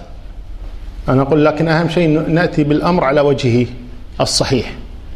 يعني لا نستطيع الآن أن نقرر شيئا وإنما نقول ننتظر وأهم شيء أنه يعني يسمع منهم ويطلب منهم أن يسمعوا أيضا وينظر بعد إذا كانوا يعاندون هذا أمر آخر هذا له تعامل خاص وإذا كانوا لا لم يجدوا من يقنعهم أو لم يجدوا من يرد على تساؤلاتهم لا نحن نكون قصرنا والحمد لله يوجد من يقنعهم من يرد على تساؤلاتهم لكن أهم شيء أنه يفسح المجال لهذا الأمر اي نعم شيخ بس انا اعقب على نفس الكلام احنا لما ني نكلم الواحد منهم نناقشه بروحه اه يقول لا ما ادري ما ادري خلينا ارجع حق شيخي خلينا ارجع حق هذا هذا قلنا آه، حتى اذا قال يرجع يرد مره ثانيه احنا نقنعه هني آه، خلي يجيب الجواب خلي يجيب الجواب يجيب الجواب من شيخه ما في مانع يبي يقول انا ما افهم ما اعرف خل اروح لشيخي قلنا روح الشيخ بس جيب الجواب شيخنا ان آه، يعني صارت ان وصلنا ان تناقشون يو يعني ما ادري بصوره انا قاعد اشوفها لما سمعت المناقشه الاخيره اللي مع فضيلتك معاهم كانت كان جدال ما كان مناقشه يعني كان يطرحون آه. امور امور امور امور هم بالاخير لما خلصوا منك شيخ قعدوا مع المهين يمكن الصبح قاعد يقنعهم قال هم هم ما قدروا يردون على هالشبهه ما قدروا يردون على هالشبهه على كل حال انا اقول يعني هي ترى احيانا ترى النقاش العام امام الناس وكذا الانسان تاخذه نفسه يعني انه ما يستطيع ان يتنازل بسهوله. انا اقول لا تؤخذ القضيه عفته ايد من يغلب وانما تؤخذ القضيه كل واحد على حده يكلم على حده وبهدوء ودون فضيحه دون امام الناس يعني الطلعه ضعيف ولا الطلعه رجع او كذا. انا قلت تؤخذ بحكمه هذا الاصل. آه، طبعا انتشرت ظاهرة أخرى كثير من الناس طبعا بسبب الحرقة هذا دين يعني ما يرضون على الصحابة فزادت حرقتهم على سب الصحابة فقاموا بسب وشتم من يش من يسب الصحابة أو من يتكلم فيهم بأقوال شنيعة وفاحشة فما واجبنا آه، تجاه هؤلاء هل نوافقهم أم نتركهم أم ننصحهم والله إن يقول الإمام الشافعي رحمه الله تبارك وتعالى من استغضب فلم يغضب فهو حمار يعني حقيقة الإنسان آه، لابد أن يغضب لأصحاب النبي صلى الله عليه وسلم يعني ما ينبغي لنا أيضا أن آه، يعني نسمع مثل هذا الكلام وكأنما سمعنا شيئا لابد أن يعلموا أن هذا خطأ وأننا لا نقبل مثل هذا الخطأ يعني لا يمكن أبدا يأتيني إنسان يقول يا أخي آه، لا تسب أو لا تكفر الخميني كل الخميني كفر عمر تقول لا تكفر الخميني يعني واضحه يعني ما يصلح هذا ابدا واحد يجيني يقول يا اخي لا تطعن بعدنان ابراهيم يا اخي رجل مسلم معاويه ما هو رجل مسلم يعني هو يطعن بمعاويه مقبول انا اطعن فيه غير مقبول هذا كلام باطل ما يقبل هذا الكلام ابدا فالقصد اذا اننا يعني آه، لا ينبغي ان نشد عليهم ولا مانع ابدا الانسان اذا غضب لله تبارك وتعالى تلفظ مثل هذه الالفاظ غضبه لله ما عليه شيء يعني لما قال عمر بن الخطاب لحاطب بن ابي بلتعه لما أرسل الرسالة إلى آه، أهل مكة يحذرهم من قدوم النبي صلى الله عليه وسلم إليهم فغضب عمر فقال يا رسول الله دعني أضرب عنقه فقد نافق النبي لم يقل له يا عمر كيف تقول نافق هذا اتهام وكذا لا أبدا ولكن جاءه من باب آخر قال ألم تعلم يا أن الله اطلع على أهل بدر فقال اصنعوا ما شئتم وقد غفر يعني وافقه على كلمته يقول ابن القيم لم ينكر عليه قوله إنه نافق وكذلك لما قال أسيد بن حضير لسعد بن عبادة إنك منافق تدافع عن المنافقين لم ينكر عليه النبي ذاك لأنه قالها غضبة لله تبارك وتعالى فالإنسان إذا يعني غضب خاصة إذا سمع بعضهم مثلا يستهزئ بأصحاب النبي صلى الله عليه وسلم أو يسب معاوية أو يسخر منه أو كذا وغضب وسبه أو كلمه كلاما شيء لا بأس بذلك أنا أقول لا بأس بذلك ولكن أيضا كما قال النبي لعائشة رضي الله عنها لما جاء اليهود للنبي صلى الله عليه وسلم قالوا السام عليك فقالت عائشة عليكم السام واللعنة يا أحفاد القردة والخنازير فقال النبي صلى الله عليه وسلم لعائشة يعني بالغتي يعني في الرد عرفتي عرفتوا فقال بالغتي في هذا فعند ذلك قال النبي صلى الله عليه وسلم قالت أما سمعت ما قالوا قالوا أما سمعت ما قلت يقلت قلت عليكم خلاص انتهى الأمر يكفي يعني بمثله رد فعل مقابل فعل لكن لا يزيد لا يزيد رد الفعل على الفعل نعم احسنت بارك الله فيك جزاك الله خير عشان ما يصير نفس يعني الشباب قد يفهمون الفتوى بشكل خاطئ بس الكلام السباب قام يصير كلام بذيء لا شيخ اي فاحش فاحش فاحش بشكل ما يحصل نفس المساله الشباب اللي قاعد يردون في تويتر الرد كلام بذيء ما يصالح ما إيه، قلنا هذا لا يجوز احنا قلنا انه لا يجوز ان ان يكون رد الفعل اقوى من الفعل هذا من الظلم يعني يرد عليه بما قال فقط ولا يزيد يرد عليه بما قال ولا يزيد لا يجوز الفحش النبي صلى الله عليه وسلم ما كان فحاشا صلوات ربي وسلامه عليه نعم أه، تكمله في هذا الاطار ماشيين احنا ما دام مو قادرين نطلع اساس نخلص هذه مجموعه الاسئله اللي تقريبا تدور في نفس المحور يقول أيضا إذا تقدم أحد هؤلاء الشباب إلى الزواج بابنتي هذا السؤال يقول ما رأي فضيلتكم هل زوجة ولا هذا السؤال وارد أنا أقول لا يزوج لا يزوج هذا يعني الإنسان إذا كان على هذا الفكر لا يزوج هذه ابنتك أمانة عندك وجعلت وليا عليها لتختار لها الرجل الصالح فلا يجوز أن آه، تعطى لأمثال هؤلاء حتى يرجعوا عما هم عليه من الباطل نعم لا يزوجون نعم أه، ننتقل إلى الأسئلة اللي فيها الشبهات وردت يقول في المناظرة شيخ أه، جزاك الله خير يعني لم تعطى المجال للرد أو توضيح حديث أه، حديث عمار بن ياسر يدعونه يدعوهم إلى الجنة ويدعونه إلى النار فنرجو توضيح هذا الحديث واللبس اللي يعني اللي صاير أو الشبهة التي يعني يأخذونها هؤلاء في في اتهام معاوية وجيشه بأنهم بغاة وأنهم إلى آخره من آه نعم آه جاء النبي صلى الله عليه وسلم لما كان يعني يبني المسجد النبوي وكان الناس يحملون حجرا حجرا وكان عمار يحمل حجرين رضي الله عنه فقال النبي صلى الله عليه وسلم عن عمار عمار تقتله الفئة الباغية يدعوهم إلى الجنة ويدعونه إلى النار أما كون عمار آه، تقتله الفئة الباغية فهذا تقريبا ما نقاي الإجماع لكن هذا عليه جماهير أهل العلم أن الفئة الباغية كانت أهل الشام وقتل عمار على أيديهم رضي الله عنه وأرضاه وأما قول النبي صلى الله عليه وسلم يدعوهم إلى الجنة ويدعونه إلى النار هذا أمر طبيعي جدا لأن المعاصي هي طريق إلى النار والطاعات هي طريق إلى الجنة فيدعونه إلى النار أي بمعصية الله تبارك وتعالى وترك الإمام المبايع وهو علي رضي الله عنه أن هذا طريق إلى معصية المعاصي كلها طريق إلى النار يدعوهم إلى الجنة أي إلى بيعة علي والتزام طاعته رضي الله عنه وهذا طريق إلى الجنة والحديث واضح جدا عن النبي صلى الله عليه وآله وسلم نعم الله خير آه، السؤال يقول تغيير سنة الله سبحانه وتعالى ورسوله في الحكم يعني النبي صلى الله عليه وسلم ما ورى في الحكم كما يقول عدنان نريد إيضاح هذه المسألة بالنسبة لتغيير الحكم من المبايعة من نظام الشورى والمبايعة إلى النظام الوراثي المملوكي أو نعم الملكي يعني الملكي مو المملوكي آه على كل حال بالنسبة لهذه القضية يعني آه، ماشي فعل معين ذلك هل كفر؟ هل قضية ما تصل إلى هذه الدرجة يعني أنه يعني كفر سم يقولون بدل الدين لا ما بدل الدين رضي الله عنه ما بدل الدين نعم قد تكون حظوظ النفس دخلت وأنه أراد الأمر لولده قد يكون هذا الأمر واردا وهو بشر وغير معصوم ولنفرض هذا وقع وأنه جاءه حظ نفسي وأخطأ في هذا طيب فكان ماذا فكان ماذا كان كفرا لا يكون كفرا أبدا ولا يكونها تبديلا للدين لأن الذي بعده غير ملزوم أن يسوي مثل ما سوى هذه قضية قضية ثانية كانت هذه المسألة موجودة من قبل يعني ما جاء بها معاوية من عندي نفسي في السابق كان كذلك الناس يتوارثون والقبائل تتوارث الأب يموت يأتي ولده وهذا أمر معروف عند العرب فالذي فعله معاوية خطأ لكن لماذا يلبس أخطاء الآخرين بهذا الأمر ولهذا يقال أن معاوية هو الذي أمر بذلك وجعله سنة ماضية أمر ما أمر معاوية بهذا أن يكون سنة ماضية يعني كون جعله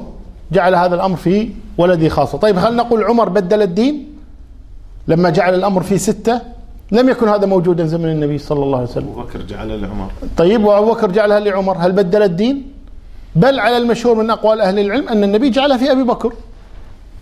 صلى الله عليه وسلم واختلفوا هل نص عليه نصا جليا أو نص عليه نصا خفيا فهذا هو الدين إذا أن ينص على شخص لكن هم خلافه أن معين نص على شخص هو ولده الرسول نص على شخص ليس ولدا له أبو بكر نص على شخص ليس ولدا له عمر نص على ستة ليسوا أولادا له طيب معاوية أيضا نص على شخص لكنه كان ولدا له صار بدل الدين فإذا كان معاوية يتهم بأنه بدل الدين فأبو بكر يتهم أنه بدل الدين وعمر يتهم أنه بدل الدين وهذا لم يقل به أحد أن هذا تبديل للدين النبي صلى الله عليه وسلم ما ولى أحدا من أقاربه صلى الله عليه وسلم علي ولى ستة من أقاربه عبد الله بن العباس عبيد الله بن العباس قثم بن العباس تمام بن العباس أولاد عم علي ولاهم ولايات وولى عبد الرحمن بن هبيرة وهو ابن أخته علي خاله وولى محمد بن أبي بكر وهو ربيبه ابن زوجته ستة من أقاربه ولاهم علي بدل الدين الرسول ما ولا أقاربه علي ولا أقاربه ستة من أقاربه نقول بدل الدين الرسول صلى الله عليه وسلم كان في المدينة علي ترك المدينة وراح الكوفة بدل الدين قضية أنه بدل الدين بدل الدين بدل الدين على قضية واحد أنه جعل الخلافة في ولده نحن نقول نعم خطأ وغير صحيح ولم يكن يزيد أهلا للخلافة مقارنة بوجود آه، يعني غيره من أئمة أصحاب النبي صلى الله عليه وسلم كعبد الله بن عمر عبد الله بن العباس والحسين بن علي وعبد الله بن عمرو بن العاص وغيرهم من أئمة آه، المسلمين نعم نقول أخطأ في هذا وغير مقبول منه هذا الكلام لكن بدل الدين قوية شوية هو أول زياد. من ابتدع هذا في الإسلام يعني لو تقول يعني من في ناس قالوا سووا أبو بكر أول من ابتدع النص على عمر وعمر أول من ابتدع أن نص على ستة هل تقبل هذا؟ هذه هي أي نعم ويقولون أيضا جاتني ورقة يعني تكملة للسؤال أن قول عدنان إبراهيم أن هذا سبب تخلف المسلمين معاوية عندما ولى ابنه تعليقك شيخ طبعا آه، معاوية كما جاء في الحديث وإن كان فيه ضعف أن النبي صلى الله عليه وسلم يقول تكون خلافة بعدي ثم يكون ملك ورحمة ثم ملك أعفر وهو ملك يزيد لكن معاوية ملك ورحمة يا جماعة الخير لو كان معاوية بدل الدين من الذي هيأ له ذلك إنه الحسن بن علي لما تنازل له بالخلافة هو الذي مكنه من تبديل هذا الدين أين أصح... أين أي يعني هل غيرتنا أحسن من غيرة أصحاب النبي صلى الله عليه وسلم أين عبد الله بن عباس وعبد الله بن عمر وعبد الله بن الزبير والحسين بن علي الحسين بن علي عشرين سنة معاوية يحكم ما تكلم عليه بكلمة عشرين سنة معاوية يحكم المسلمين لم يتكلم عليه الحسين بكلمة رضي الله عنه ولا كلمة تكلم على معاوية بل بالعكس كان يزوره ويقبل منه الهدايا سواء قبل وفاة الحسن أو بعد وفاة الحسن فمعاوية لو كان سيئا كان الحسين هو الذي مكن له سكت عنه طوال هذه الفترة وعبد الله بن عباس سكت عنه عبد الله بن عمر سكت عنه عبد الله بن الزبير سكت عنه عبد الله بن عمرو بن العاص سكت عنه عشرين سنة يحكم المسلمين كخليفة معاويه بن ابي سفيان 20 سنه يحكم و20 سنه يحكم الشام حكم 40 سنه معاويه 20 سنه الشام و40 و20 سنه الاسلام كله اين اصحاب النبي ما انكروا عليه ذلك؟ اذا كان بدل الدين وغير ولعب في الدين وافسد وكذا كان هؤلاء صاروا اغير على دين الله تبارك وتعالى من اصحاب النبي ومن التابعين الذين كانوا في ذلك الزمان وكانوا يقدمون على معاويه ويزورونه ويثنون عليه خيرا بل عبد الله بن عمر ثبت عنه أنه قال ما رأيت أسود من معاوية قالوا تقول هذا وأنت أدركت أبا بكر وعمر قال أبو بكر وعمر خير من معاوية ومعاوية أسود منهما من السيادة وإدارة الملك والحكم عمر بن الخطاب هو الذي مكن لمعاوية لما زاره في الشام وهو الذي جعله واليا على الشام لما زاره بالشام فرأى موكبا قال ما هذا يا معاوية هكذا تكون وسمعت أن الناس يقفون عند الباب لحاجاتهم قال نعم يا أمير المؤمنين قال ما حملك على هذا قال نحن في أرض كثير فيها أعداؤنا ونحتاج أن نريهم هيبة الملك وإن شئت انتهيت يعني أترك هذا كله قال بل اختر ما شئت تركه عمر وقبل منه هذا عمر هل نقول عمر هو الذي هيأ لمعاوية أن يبدل الدين ثم ذلك في حكم عثمان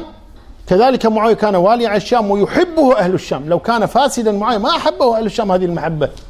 لو كان فاسدا كل أهل الشام أحبوه وبدرجة أنهم قاتلوا معه ضد علي رضي الله عنه لأنهم كانوا يحبونه ومعاوية كان أحلم الناس واشتهر بهذا جدا رضي الله عنه وأرضاه فالقول بأن معاوية رضي الله عنه بدل الدين أو أفسد الأمة أو كذا هذا كله كلام يعني يعني آه، لا لا لا يقبل ابدا بهذه الاطلاقات إيه، نعم السؤال يقول لمعاويه رضي الله عنه احاديث كثيره في تحريم الخمر وفي حد الخمر وكان بعض اهل العلم يرى ان معاويه متشدد في حد الخمر حسب ما ورد في السؤال او حسب ما كتب الاخ فكيف يقول نوفق بينه وبين ما ذكرنا وبين حديث عبد الله بن ابي بريده وعبد الله بن بريده الله أكبر. يعني حديث عبد الله بن بريدة لما دخل على معاوية هو وأبوه فقدم لهم الطعام فأكل ثم لما قدم الشراب طبعا على طول عدنان إبراهيم قال الخمر يعني حسمها طيب قال قدم له الشراب قال ما شربته منذ حرمه رسول الله صلى الله عليه وسلم فقال له معاوية أنا في الجاهلية ما شربت الخمر أو ما قال ذا قال أنا في الجاهلية كان أحب شيء إلي مجالسة الرجال وشرب اللبن يعني هل يعقل يعني مفهومه نقول إذا ما شربته الجاء أشربه في الإسلام وظاهر الأمر والعلم عند الله تبارك وتعالى أن هذا الشراب يعني ليس خمرا وإنما هو النبيذ والنبيذ كما هو معلوم عند أهل العلم يعني آه، له حالتان الحالة الأولى يكون فيها حلال والحالة الثانية يكون فيها حراما والعلة هي قول النبي صلى الله عليه وسلم ما أسكر فهو خمر كل مسكر خمر وكل خمر حرام فالنبيذ إذا لم يسكر فهو ليس بحرام وليس بخمر لأنه لا يسكر فهذا ليس بحرام وهو العصير أو ماء التمر أو شيء إذا ترك مدة يكون فيه نوع من الحموضة مثل اللبن الحين لما نشربه احنا يكون حمض شوي هذا نبيذ فإذا ترك مدة أطول يتخمر بعد ذلك ويؤثر فيكون خمرا وبالتالي يسكر هذا الحرام أما النبيذ في حد ذاته ليس بحرام وهي مسألة خلافية بين أهل العلم هناك من يحرم النبيذ وهناك من لا يحرمه على هذا هو الخلاف الذي وقع بينهما ولذلك لو كان القضية كانت القضية قضية خمر وكان خمرا عبد الله بن بريدة ليس ببعيد عن قول النبي صلى الله عليه وسلم لعن الله شاربها وعاصرها ومعتصرها والجالس فكيف يرضى أن يجلس في مكان يدار فيه الخمر فما كان يجلس كان يقوم هذه قضية القضية الثالثة وهي أن هذا الأمر الذي كان من معاوية رضي الله عنه لو قدر أنه خمر مثلا طيب معاوية كان يجد على الخمر فكيف يأتي هو ويشرب الخمر أبو محجن الثقفي ثبت أنه كان يشرب الخمر وسجنه سعد بن أبي وقاص عبد الله بن حمار كان يؤتى إلى النبي صلى الله عليه وسلم فيجلده على الخمر صلى الله عليه وسلم حتى سبه أحد الصحابة فقال النبي صلى الله عليه وسلم لا تكن عونا للشيطان على أخيك فقضية انه يفهم الشراب أو يفهم الشراب على أنه خمر هذا غير صحيح ثم إن الحديث فيه كلام في ثبوته هو من رواية زيد بن الحباب عن حسين بن واقد وزيد بن الحباب ذكر أحمد أنه يخطئ كثيرا والحسين بن واقد في حديثه ما ينكر فهذا فيه كلام وهذا فيه كلام فكيف يؤتى بحديث فيه مثل هذا الكلام ثم يجعل هو القاعدة ويتهم فيه معاوية رضي الله عنه وأرضاه نعم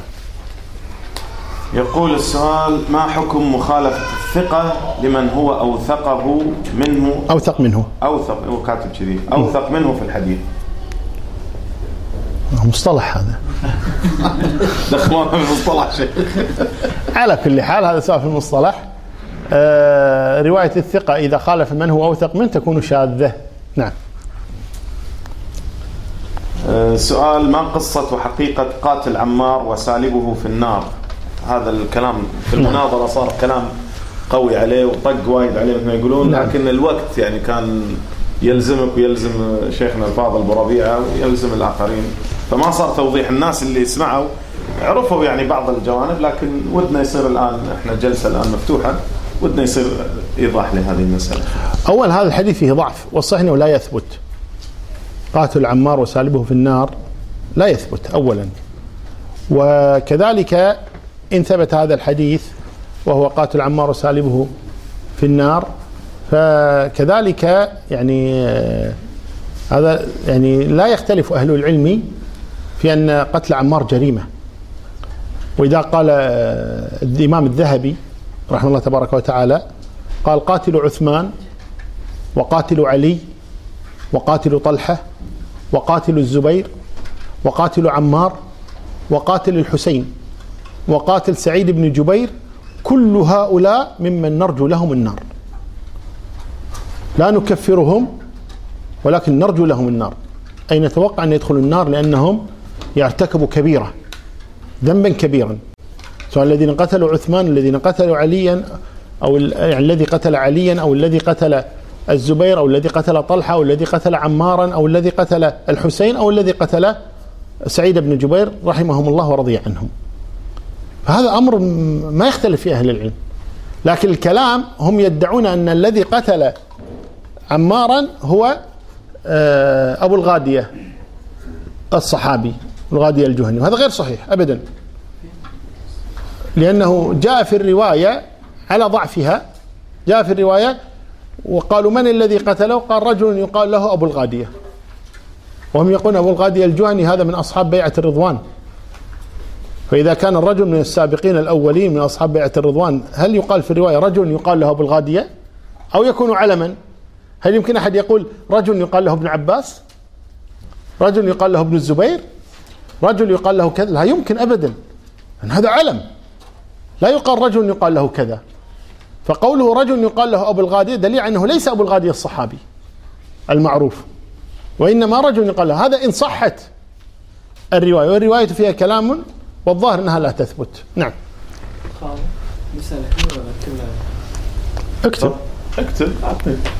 اعطني السؤال ندرج لك السؤال ما, في واسطات يعني خالك تزرق يعني لان عندي كلام ماشي ماشي خليك مسألة أسئلة اللي معلم عليها ولا أسئلة سؤال هني وستة ورا ما شاء ما شاء الله ستة الراحة يعني شيخ ستة ورا ارحمه الشيخ جاي لك دستة جزاك الله خير جزاك الله خير على حرصك والله هذا يعني دليل حرص ودليل يعني ان الانسان يبي الحقيقة ان شاء الله والحقيقة انا برايي يعني الحقيقة واضحة مثل الشمس الانسان اللي يبي يجادل ويبي يحط بمخه عند غيره هاي مشكلتنا المجموعة هذه غفر الله لهم نسأل الله لهم الهداية حاطين عقولهم عند شخص معين مو حاط عقله آه، عنده هو هو اللي يفكر شيخ قول بعض أتباع عدنان تدلهم على سلو ولا شلون؟ نعم تبي تسال؟ يعني تبي لا تعقيب يعني بعد الاسئله؟ اي بعدين نترك مجال ودك تعقب دكتور؟ دكتور ان شاء الله. آه، بس نخلص الاسئله نفتح مجال للتعقيب ان شاء الله. قول بعض أتباع عدنان إبراهيم أن تعريف الصحابي في الاصطلاح هو تعريف أهل الحديث وليس تعريف الصحابي الحقيقي اللي ذكرته ما أدري شو الفرق نعم آه طبعا تعريف الصحابي إما عند الأصوليين وإما عند المحدثين وتعريف المحدثين هو المعتمد وهو من لقي النبي مؤمنا به ومات على ذلك هذا هو المعتمد هذا هو التعريف المعتمد حتى عند المتاخرين من الاصوليين ولكن كان بعض الأصوليين من المتقدمين كانوا يرون أن تعريف الصحابي هو الملازم للنبي صلى الله عليه وسلم يعني الصحبة يلزم منها الملازمة فيرون الذي لازم النبي هو الذي يقال عنه صحابي وهذا التعريف كان عند الأصوليين لأجل آه، في تعارض الأحاديث إذا تعارضت الأحاديث يقبل قول مثلا آه، شخص روى عن النبي صلى الله عليه وسلم كابن عباس أو آه، الحسن أو الحسين أو ابن الزبير اللي هم صغار الصحابة إذا تعارض قوله عن النبي صلى الله عليه وسلم مع قول أبي بكر أو عمر أو عثمان أو علي أو طلحة أو الزبير أو معاذ اللي هم لازموا النبي ملازمة شديدة يقول إذا تعارض هذا مع هذا لا هذا الذي صاحب النبي ولزمه هذا لم يصاحبه ولم يلازمه وإنما إيش جلس معه ساعات أو ما شابه ذلك من أو أيام أو سنوات قليلة مقارنة وأيضا مع بدون بلوغ وكذا فيقدم قول هذا هذا فقط عند التعارض وإلا لم يقل أحد من الأصوليين لا من قديم ولا من حديث معاوية ليس بصحابي أعطوني أصولي واحد فقط قال معاوية ليس بصحابي لا يوجد وإنما هذا التعريف يذكرونه في حال تعارض الأدلة إذا تعارضت الأدلة قالوا يقدم قالوا لذلك قالوا تعريف الصحابي هو الملازم للنبي صلى الله عليه وسلم وإلا يلزم من قولهم أن الحسن ما هو صحابي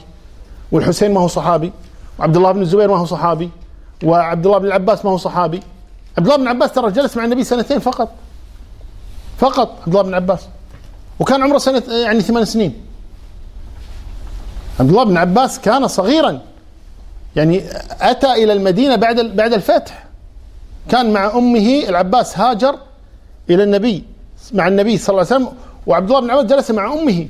في مكة من المستضعفين يقول ابن عباس أنا ممن قال الله تبارك وتعالى فيهم إلا المستضعفين من النساء والولدان الذين لا يستطيعون حيلة ولا يهتدون سبيلا يقول كنت أنا منهم يقول عبد الله بن عباس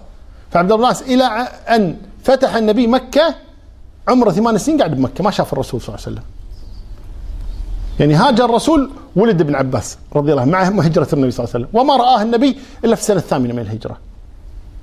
لما فتح النبي مكة جاء ابن عباس ورجع مع النبي إلى مكة إلى المدينة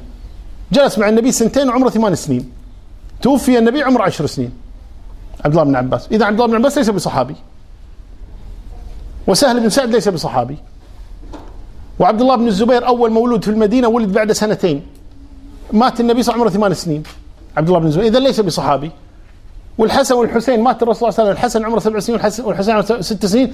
إذا مو صحابة من قال بهذا من قال أن هؤلاء ليسوا صحابة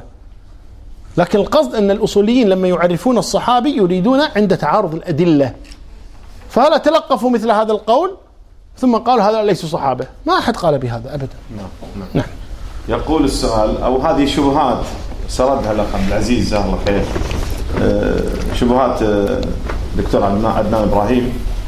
يقول عندما رأى أبو ذر قصر الخضراء فقال لمعاوية من أين لك هذا إن بنيته من مالك فهو إسراف والله لا يحب المسرفين وإن بنيته من أموال المسلمين فهي خيانة ولعنة الله على على الخائنين فبعث معاوية أبا ذر إلى عثمان يعني يتخلص منه وقالها بلهجته عدنان يقول هاف جنني خذوا عندك يا زلمه فقال عثمان هذه كاتبها كذي يعني قال هذا جنني خذ عندك الله لا يرده قال فقال عثمان لأبي ذر اذهب إلى الربدة أو الربذة ما أدري الربدة الربدة فاستجاب أبو ذر وراح منفيا ومات هناك يعني المخلص أن عثمان آه، قصدي معاوية نفى أبو ذر إلى عثمان وإلى الربدة حيث يعني يرتاح منه ما يعور راسه لا شك أن هذه القصة مكذوبة وأن القصة الصحيح في صحيح البخاري شو انظروا كيف يترك صحيح البخاري وأن تقي مثل هذه القصص القصة في صحيح البخاري يقول أبو ذر تنازعت أنا ومعاوية في قول الله تبارك وتعالى والذين يكنزون الذهب والفضة ولا ينفقونها في سبيل الله فقال معاوية هي في أهل الكتاب وقلت أنا هي فينا وفيهم وكان لأبي ذر مذهب رحمه الله تعالى ورضي عنه وهو أن كل مال زائد عن حاجتك يجب أن تتصدق به أن تنفقه ولذلك الاشتراكيون اليوم يقولون إيش أبو ذر أول اشتراكي في الإسلام يقول صحيح صحيح الاشتراكيون العرب يقول أبو ذر أول اشتراكي في الإسلام أنه كان يرى أنه يجب أن أن الأغنياء يعني ينفقون أموالهم للفقراء فالشاهد من هذا أن أبا ذر نازع معاوية في هذه الآية فقال معاوية هي في أهل الكتاب قال أبو ذر فينا وفيهم وكان يتكلم بين الناس بأنه يجب على كل إنسان عنده مال زاد أن ينفقه ويأمر بهذا معاوية وغيره فلما أكثر أبو ذر في هذا الأمر أرسل معاوية إلى عثمان أن أبا ذر أفسد علينا الناس يعني في هذه القضية يعني يتكلم وصار في لغط كثير فطلب عثمان بن عفان من أبي ذر أن يقدم إلى المدينة فجاء إلى المدينة يقول أبو ذر فقدمت إلى المدينة صحيح البخاري قال فقدمت إلى المدينة فجلست عند عثمان فقال لي عثمان إن شئت أمسكت عن هذا الأمر يعني لا تفتي الناس بهذا الأمر امسك لا تتكلم في هذا الموضوع قال سمعا وطاعة أنت أميري وأنا أطيعك أنت ولي الأمر أنا أطيعك فكان لا يتكلم في هذا يقول أبو ذر فكان الناس يأتون يسألونني كأنه يعني آه، لم يعرفوني إلا اليوم الناس نفسهم يدورون يفتشون نبشون هالاشياء هذه يقول فجاء الناس يسالونني ارتالا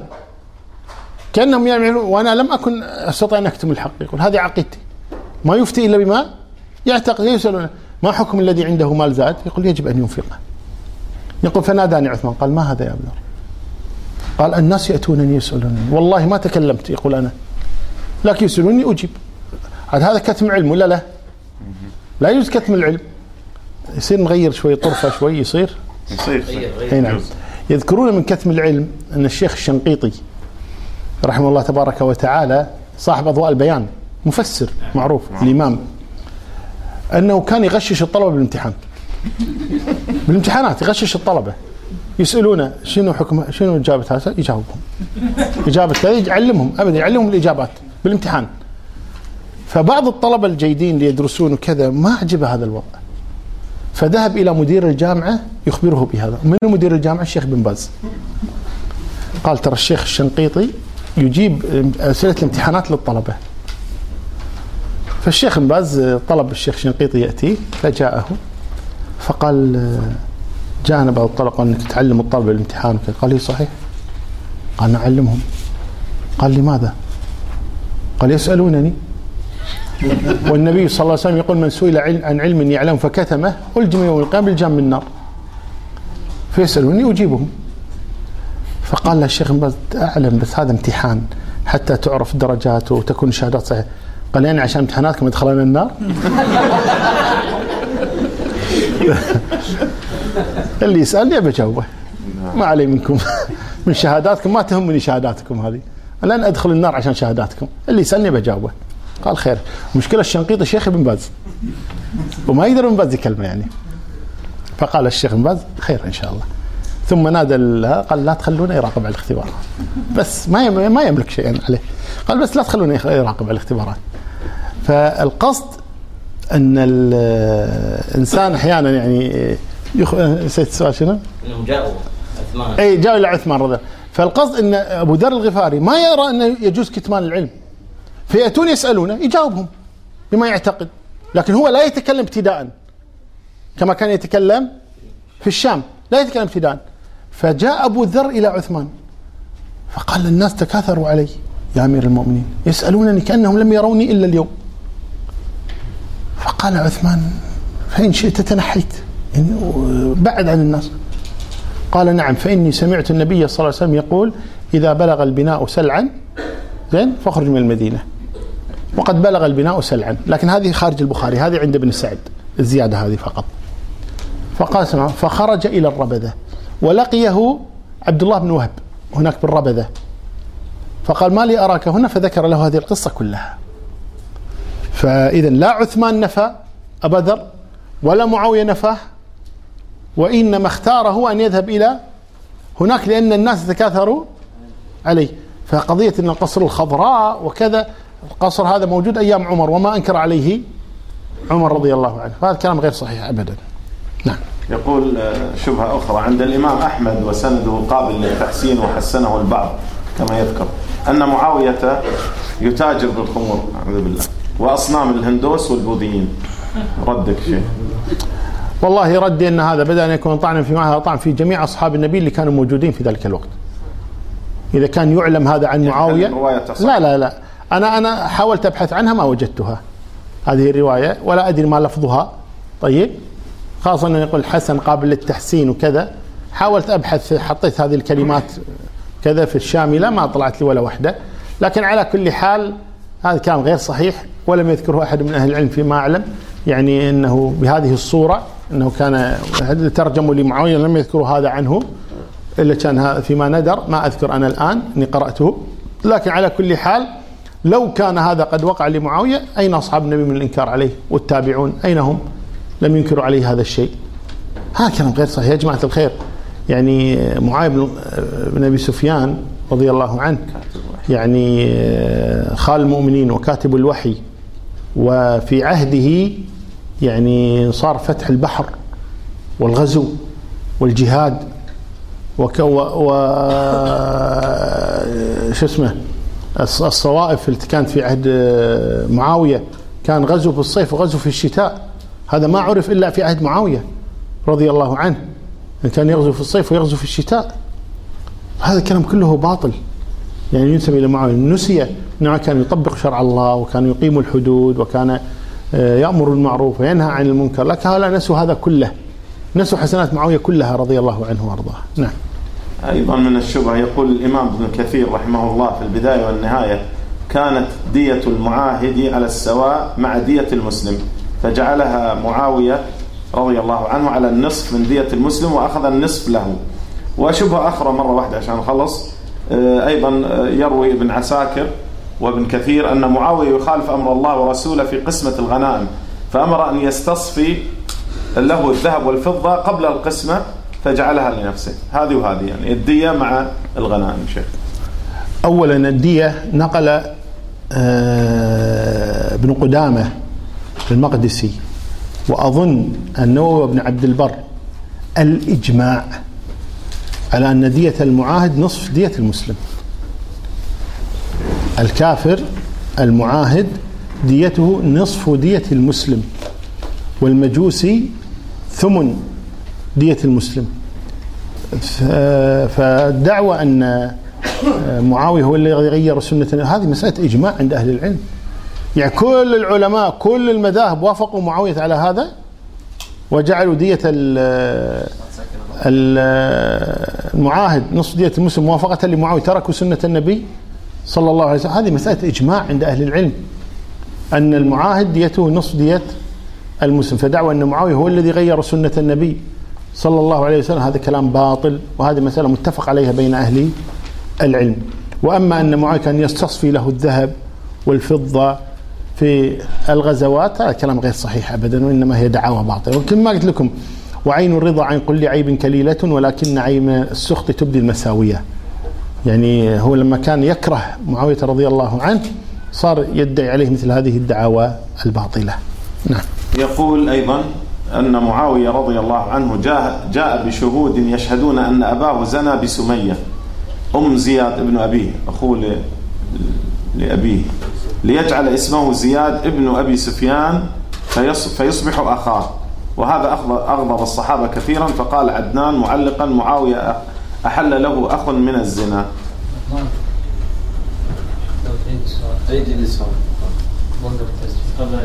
تخريف زرق ماشي نعيده خليه يشغل قصة آه، زياد بن أبي معروف نعم الاسبوع صار مزلول شوية صاير كذي ويا الشيخ كذي؟ لا لا لا لا لا لا لا لا بس زين زين بس زين أوكي. يقول أو تقول الشبهة ما أدري السؤال أن معاوية جاء بشهود يشهدون أن أباه زنى بسمية أم زياد بن أبيه آه، ليجعل اسمه زياد ابن أبي سفيان فيصبح أخاه وهذا أغضب الصحابة كثيرا فقال عدنان معلقا معاوية أحل له أخ من الزنا القصة يعني. نعم آه، قصة زياد بن أبيه أولا زياد بن أبيه رجل صالح وكان واليا على البصرة لعلي رضي الله عنه يعني من ولاة علي هو زياد بن أبيه يعني كان مع علي بن أبي طالب وكان واليا على البصرة من قبل علي رضي الله عنه وظل هكذا حتى مات علي رضي الله عنه فصار واليا لمعاوية رضي الله عنه وزياد نعم ابن زنا لكن هذا لا يعيبه ما له ذنب أمه زنت وجاءه ابن زنا لكن هذا لا يعيبه مثل الحين أولاد الشؤون الحين كذا ما لهم ذنب أمهم أخطأت طيب فترتب هذا الأمر عليهم هم لا, لا يلامون على مثل هذا الأمر ولا تزر وازرة وزر أخرى زياد بن أبيه ذكر أبو بكرة أخوه يقولون أبو بكرة أخوه ابن سمية أنه لما ادعى زياد لمعاوية أو لأبي سفيان أنه قال يعني آه، جاءت به سمية من أبي سفيان لأن سمية ما كانت متزوجة أصلا وكانت هي آه، يعني مشهورة بالزنا سمية وجاءها أكثر من شخص وكان من عادتهم في ذلك الوقت أنه إذا اتاها أكثر من شخص فإنها يعني آه، تختار أحدهم تقول هذا منه فجاء أكثر من شخص ومنهم أبو سفيان قبل إسلام طبعا قبل الإسلام فجاء أبو سفيان فلما ولد حملته ثم ولدت قالت هذا من أبي سفيان اللي هو زياد لكن لم يقبل هذا منها ولم يقل به أبو سفيان وظل هكذا لا يسمى إلا زياد بن أبيه في زمن معاوية قال زياد أنا ابن أبي سفيان أنا ابن أبي سفيان ولا يقال هنا للعاهر الحجر لأنها ليست متزوجة أصلا يعني ولد للفراش ليست متزوجة حتى ينسب زياد إلى أبيه اللي هو زوج سمية هي ليست متزوجة أصلا فالذي حصل أن زياد هو الذي ادعى قالوا إنه ابن أبي سفيان وأنكروا ذلك على أبي بكرة أو بكر الثقفي أخو زياد أنكروا عليه ذلك وهو كان عبد في الطائف آه، آه، في ثقيف ف وأسلم في حرب آه، هوازن اللي هي معركة حنين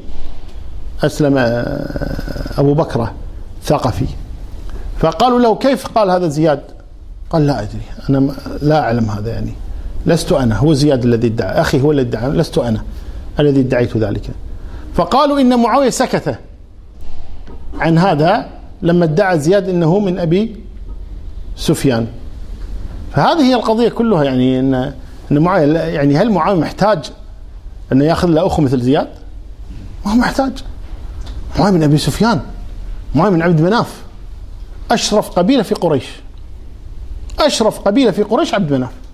اللي منها الرسول وعلي وسفيان ومعاوية معاوية ابن عم الرسول صلى الله عليه وسلم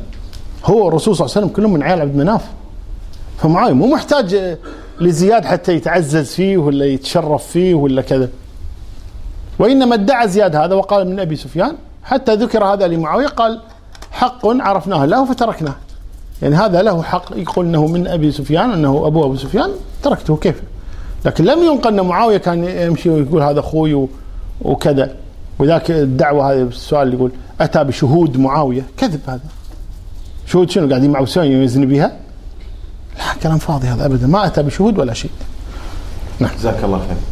يقول معاوية يبعث صحابيا وهو بسر بن أرطأ ليستخلص له الحجاز واليمن من ولاة الإمام علي رضي الله عنه فيأتي إلى اليمن ويبحث عن والي اليمن وهو عبيد الله بن عباس فيأتي إليه في بيته فيجد ولدين له صغيرين فيذبحهما بالسكين أمام أمهما أمام أمهما فذهب عقلها وبعد ذلك يبعث معاوية بسرا إلى همدان فبعد أن أشهر السيف في وجه المسلمين سبى المسلمات وقال الإمام ابن عبد البر في الاستيعاب هذه أول مرة في تاريخ الإسلام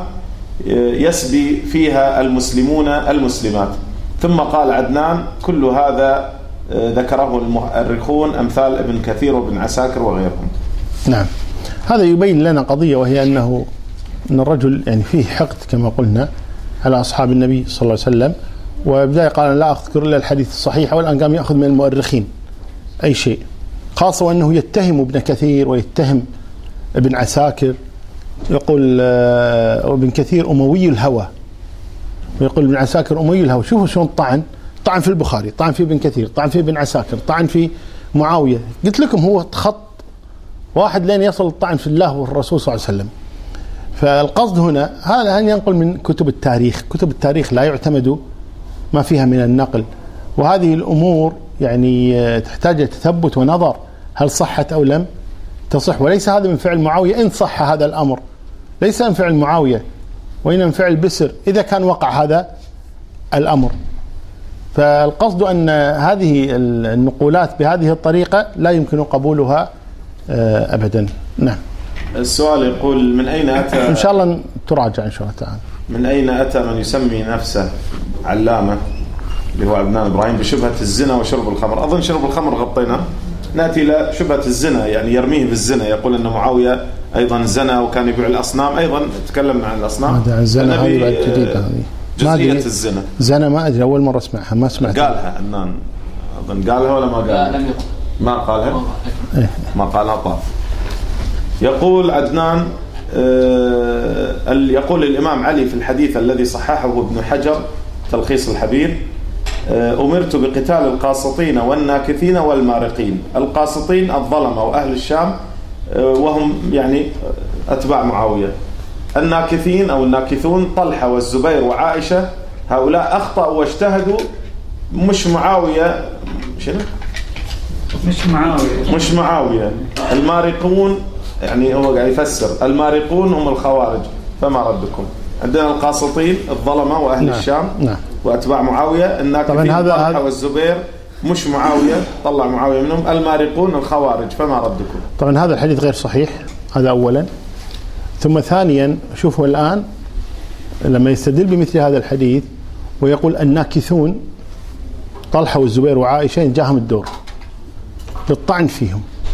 للطعن في طلحة طلحة والزبير ثم منين منين لهذا أصلا طلحة والزبير قتلا في المعركة طلحة قتل في الجمل والزبير قتل في الجمل فمن أين له أنهم, أنهم تابوا وهذا يبين لنا يعني ضلال هذا الرجل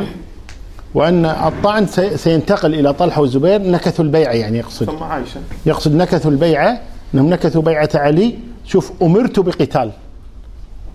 يعني النبي هو اللي أمره قال قاتل طلحة والزبير وعائشة كأن النبي أمره بهذا أمرت بقتال الناكثين والقاسطين ولو كان الأمر كذلك الذي ثبت عن علي رضي الله أنه بعد معركة الجمل بكى وبعد معركة صفين حزن حتى كان يقول لابنه الحسن ما كنت أظن أن الأمر سيصل إلى ذلك ولم بعد معركة النهروان سجد لله شكرا فهو أمر بقتال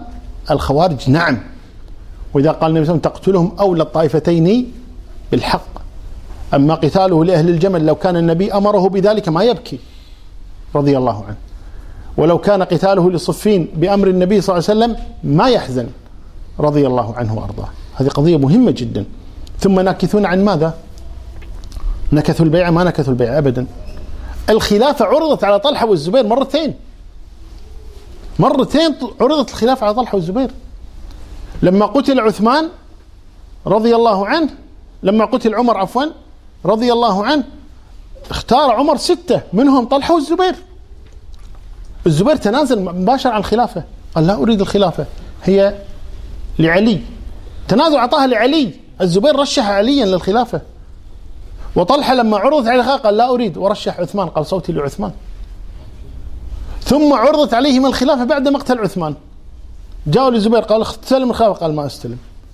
جاءوا لطلحه استلم الخلافه قال ما استلم الخلافه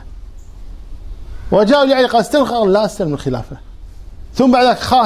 خشي علي رضي الله على الامه فاخذ الخلافه رضي الله عنه وبايعه طلحه والزبير ولم يكونا ناكثين ابدا ولو كان حريصين على الخلافه كان اخذاها كان رشح نفسيهما على الاقل لم ينكثا ولم يطلب الخلافة أبدا وهذا طعن فيهم رضي الله عنهم لم ينكثوا وذاك هذا يدل على أن الحديث هذا باطل لا يصح عن النبي صلى الله عليه وسلم وإن حسنه الحافظ بن حجر لا يصح عن النبي صلى الله عليه وسلم الحديث لي بحث فيه وهو ضعيف لا يثبت أبدا أن النبي أمر بعليا رضي بقتال الناكثين والمارقين والقاسطين فهذا الحديث لا يثبت أبدا نعم أيضا حديث آه، ما منعك أن تسب أبا تراب هذا دليل على أن معاوية كان يأمر بسب علي رضي الله عنه على المنابر إلى أن أتى الخليفة الراشد عمر بن عبد العزيز آه، رضي الله عنه فأوقف هذه السنة الملعونة كما يقول تعليق الشيخ نعود على الذي قلناه قبل ثبت أن الحسن والحسين في كل سنة يدخلان على معاوية فيكرمهما فهل هذا الذي يقول أن معاوية كان يحرص على سب علي دائما ويأمر بسبه الحسن والحسين راضين ولا مو راضين؟ انتم انتم الحين لو ك... لو كان واحد منكم في هذا الموقف معاوية يسب ابوه ويروح حق معاوية كسنة يعطيه فلوس شو يسوونه؟ شو يقولون عنه؟ قبيضة صحيح؟ صحيح؟ اي نعم يعني يعطيهم علي فلوس بس تسكتون عن سب ابيكم وابوهم من؟ معاوية علي بن أبي طالب رضي الله عنه هل يقبل هذا من الحسن والحسين أنهم يسمعون سب أبيهما علي رضي ويسكتان أين أصحاب النبي صلى الله عليه وسلم يسمعون سب علي ويسكتون أين بني هاشم يسمعون سب علي ويسكتون ما هو صحيح هذا الكلام أبدا هذا كلام باطل أبدا أن علي كان يسب ويسكت هؤلاء أكثر قبيلة أو ما احنا قايلين قبيلة أكثر عائلة تزوجت من بني هاشم هم بنو أمية أكثر عائلة تزوجت من بني هاشم هم بنو أمية إذا ما بينهم عداوات ولا بينهم سب ولعن وكذا مو صحيح الكلام هذا بينهم مصاهرات بينهم محبة مو صحيح هذا الكلام أبدا أن معاوية كان يأمر بالسب لم تنقل رواية واحدة عن معاوية سب علي رضي الله عنه بل ثبت عكسها لما دخل أبو مسلم الخولاني على معاوية وقال له أأنت مثل علي قال لا أنا لست مثل علي هو أحق بهذا الأمر زين وهو أفضل مني عند الله تبارك وتعالى ولكن يعطيني قتلة عثمان وأنا أسلم له الأمر أنا رافض البيعة حتى يعطيني قتلة عثمان أنا ماني مثل علي بس خليه يعطيني قتلة عثمان اقتنع ابو مسلم الخولاني قال فقط قال فقط يعطيني قتلة عثمان وأنا أسلم له الأمر أنا م... أنا ما أنازع عليا في الخلافة هو أفضل مني وخير مني وهو صاحب سابقة أنا لست صاحب سابقة مسلم الخولاني لقط هذه الكلمة راح لعلي رضي الله عنه قال يا أمير المؤمنين جلست مع معاوية يقول كذا وكذا فقال علي دعك من هذا علي رفض رضي الله عنه قال ورفض أن يسلمه هذا الأمر فالقضية وما فيها ان معاويه ما كان يسب علي كان يسب علي كل الناس تقوم عليه ابن عباس كان يزور معاويه الحسن الحسين يزوران معاويه علي بن الحسين آه عبد الله بن جعفر كل ال البيت في ذلك الوقت علاقتهم مع معاويه سمن على عسل وما عندهم اي مشكله مع معاويه رضي الله عنه فدعوى ان معاويه هو الذي كان يسب عليا ومروان بن الحكم كان يسب عليا آه، في المدينه معاويه بن الحكم اخو مروان زوج بنت علي شلون يرضى يعني معاويه بن الحكم اخو مروان متزوج رمله بنت علي بن ابي طالب كيف يقبل ان اخوه يسب عمه يصير ما تصير ان مروان على طول يسب علي واخوه معاويه ماخذ بنت علي يصير تعالي شلون يزوج اخو مروان ابن الحكم جماعه الخير لا يقبل هذا الكلام هذا كله كذب وزور لا كان يسب علي على المنابر ولا كان يجرؤ أحد أن يسب علي على المنابر احنا ايش سوينا ذاك الوقت الجيل ذاك الوقت ناس أهل الإنكار منكر أمر بمعروف سويناهم ولا شيء لا إنكار منكر لا أمر معروف ولا كذا ما يصلح هذا احنا بزماننا هذا يقدر حيسب علي رضي الله عنه ما أقول عند الشيعة خسونا أقول عند أهل السنة يقدر أحد يسب علي رضي الله عنه الناس كلها تقوم عليه هنو بذاك الوقت أحد يسب علي بن أبي طالب والناس ساكتة ولا تقول شيء هذا كلام باطل لا يصلح هذا الكلام هذا يذكرني بأيضا آه، مما ذكر في هذه الأوراق ما أدري هو يمكن جمع كل الأوراق ولا كل الأسئلة ولا لا أنه ذكر عن حجر بن عدي أنه كانوا متضايقين من زياد بن أبيه لأنه كان يسب عليا وكانوا يعني آه، قاموا عليه وكان يسب علي وارسلهم لمعاويه انه مو راضين على سب علي ولما أخذوا معاوية قال معاوية اعرضوهم على السيف أو سب علي إذا سبوا عليا دعوهم إذا ما سبوا عليا كذب والله العظيم كذب وإنما قصة حجر بن عدي أنه لما جلس عند آه، زياد بن أبيه وكان واليا على الكوفة قام حجر بن عدي ويخطب تصوروا أمير البلد قاعد يخطب الجمعة طيب وهو يخطب يكلمونه حجر بن عدي ومعه مجموعة الصلاة الصلاة صل فسكت عنهم ثم أكمل خطبته الصلاة الصلاة صل هو الأمير وسكت عنهم بعدين قاموا يحذفونه بالصخر تصوروا أمير البلد زين قاعد يخاطب والناس تحذف بالصخر لو يسوونها بصباح الأحمد الحين يسوون فيهم من الدولة صراحة والناس شو تقول لهم زي يسوون فيهم ولا لا صحيح فصاروا يحذفونه بالصخر الامير يحذفونه بالصخر صلاه صلاه قدام الناس هيبه الاماره صفر فعلى طول زياد بن ابي ارسل الى معاويه قال هل لي صار من حجر بن عدي ومجموعه معه قال دزهم لي خلي يجوني الشام فلما جاءوا الى الشام قال ما هذا حتى اول ما دخل عليه قال السلام عليك يا امير المؤمنين يقول حجر لمعاويه قال او انا امير المؤمنين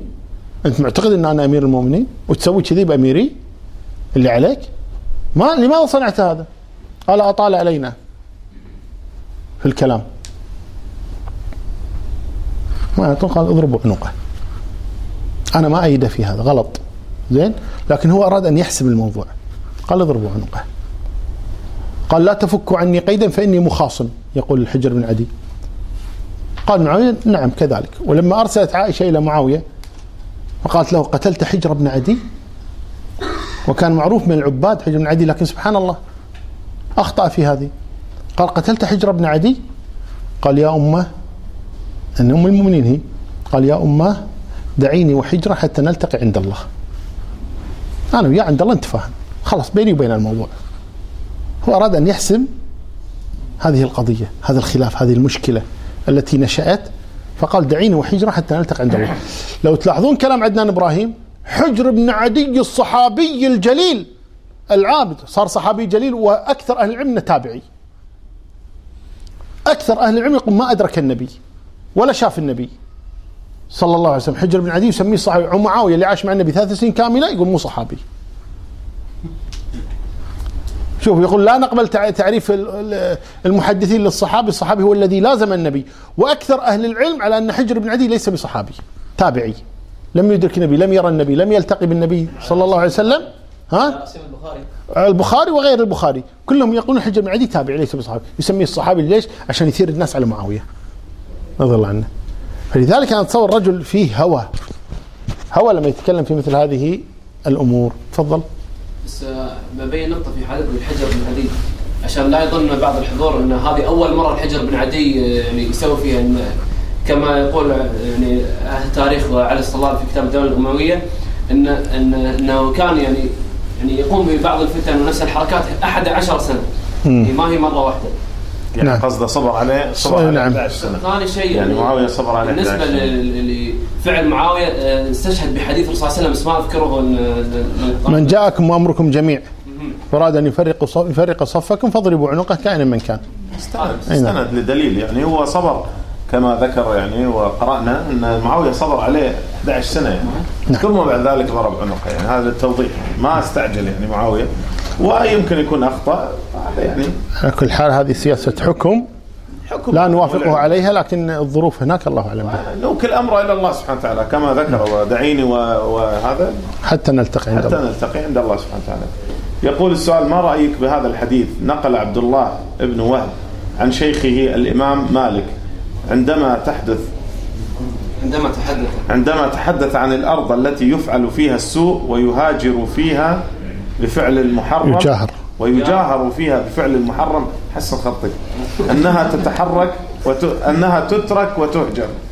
واستدل الإمام مالك بصنيع أبي الدرداء لما هاجر أو لما هجر بلاد معاوية حين عمل بالربا ما أدري الكلام آه، هذا يعني آه، عمل بالربا وكذا كما قلنا يعني هذا الكلام كله باطل زين وانما هي يعني آه، ادعاءات على معاويه رضي الله عنه يريد تشويه صوره هذا الصحابي رضي الله عنه جعلوه يعني سبحان الله زاني سارق آه، يستصفي اموال المسلمين شارب خمر مرابي قتال قتله يعني شو شو معاويه معقوله هو بهذا السوء بهذا السوء يحكم المسلمين في ذلك الوقت واصحاب النبي صلى الله عليه وسلم وفره بهذا والحسن هو الذي سلمه زمام امور المسلمين هل يعقل هذا؟ ما يهلك ان هذه الاشياء كلها ادعاءات باطله الله المستعان. يقول كما علمنا ان المنافقين واتباع عبد الله بن سبا طبعا هذه الروايه مالك لم يدرك هذا لما يقول مالك آه، آه، نقل هذا هذه بلاغات يسمونها بلاغات يعني اشياء منقطعه الاسناد ليس لها اسناد متصل نعم يقول كما علمنا أن المنافقين وأتباع عبد الله بن سبأ لهم دور كبير في هذه الفتنة التي حدثت بين المسلمين لكن آه، عدنان إبراهيم جعل السبب فقط هو معاوية فنرجو من فضيلتكم توضيح دور هؤلاء المنافقين في هذه الفتنة باختصار طبعا آه، ما ادري ماذا يقصد بالفتنه لكن على كل حال ان اذا فتنه المقصود فيها قتل عثمان رضي الله عنه وادعاء الألوهية لعلي رضي الله عنه في ذلك الوقت نعم عبد الله بن سبأ ومعه مجموعة هم الذين يعني صاروا يتكلمون بمثل هذه الأمور بين أصحاب النبي أو بين الناس في ذلك الوقت وأثاروهم حتى يعني حصلوا مرادهم الذي يريدون أو الذي قصد لما قتلوا بين إيه، مو جماعة عبد الله بن سبأ هذولي هذولي جماعة اللي هم اللي خرجوا على عثمان رضي الله عنه اللي هم الخوارج المجموعه اللي خرجوا على عثمان رضي الله عنه بس معركه الجمل معاويه لا ما هو مشارك فيها مو حولها يعني معاويه في الصفين بعد الجمل بسنه فما ادري ماذا يقصد يعني يقول الاشكال في الرواة الطاعنين في معاويه وقد قبلت رواياتهم في الصحيحين البخاري ومسلم تعليقك شيخ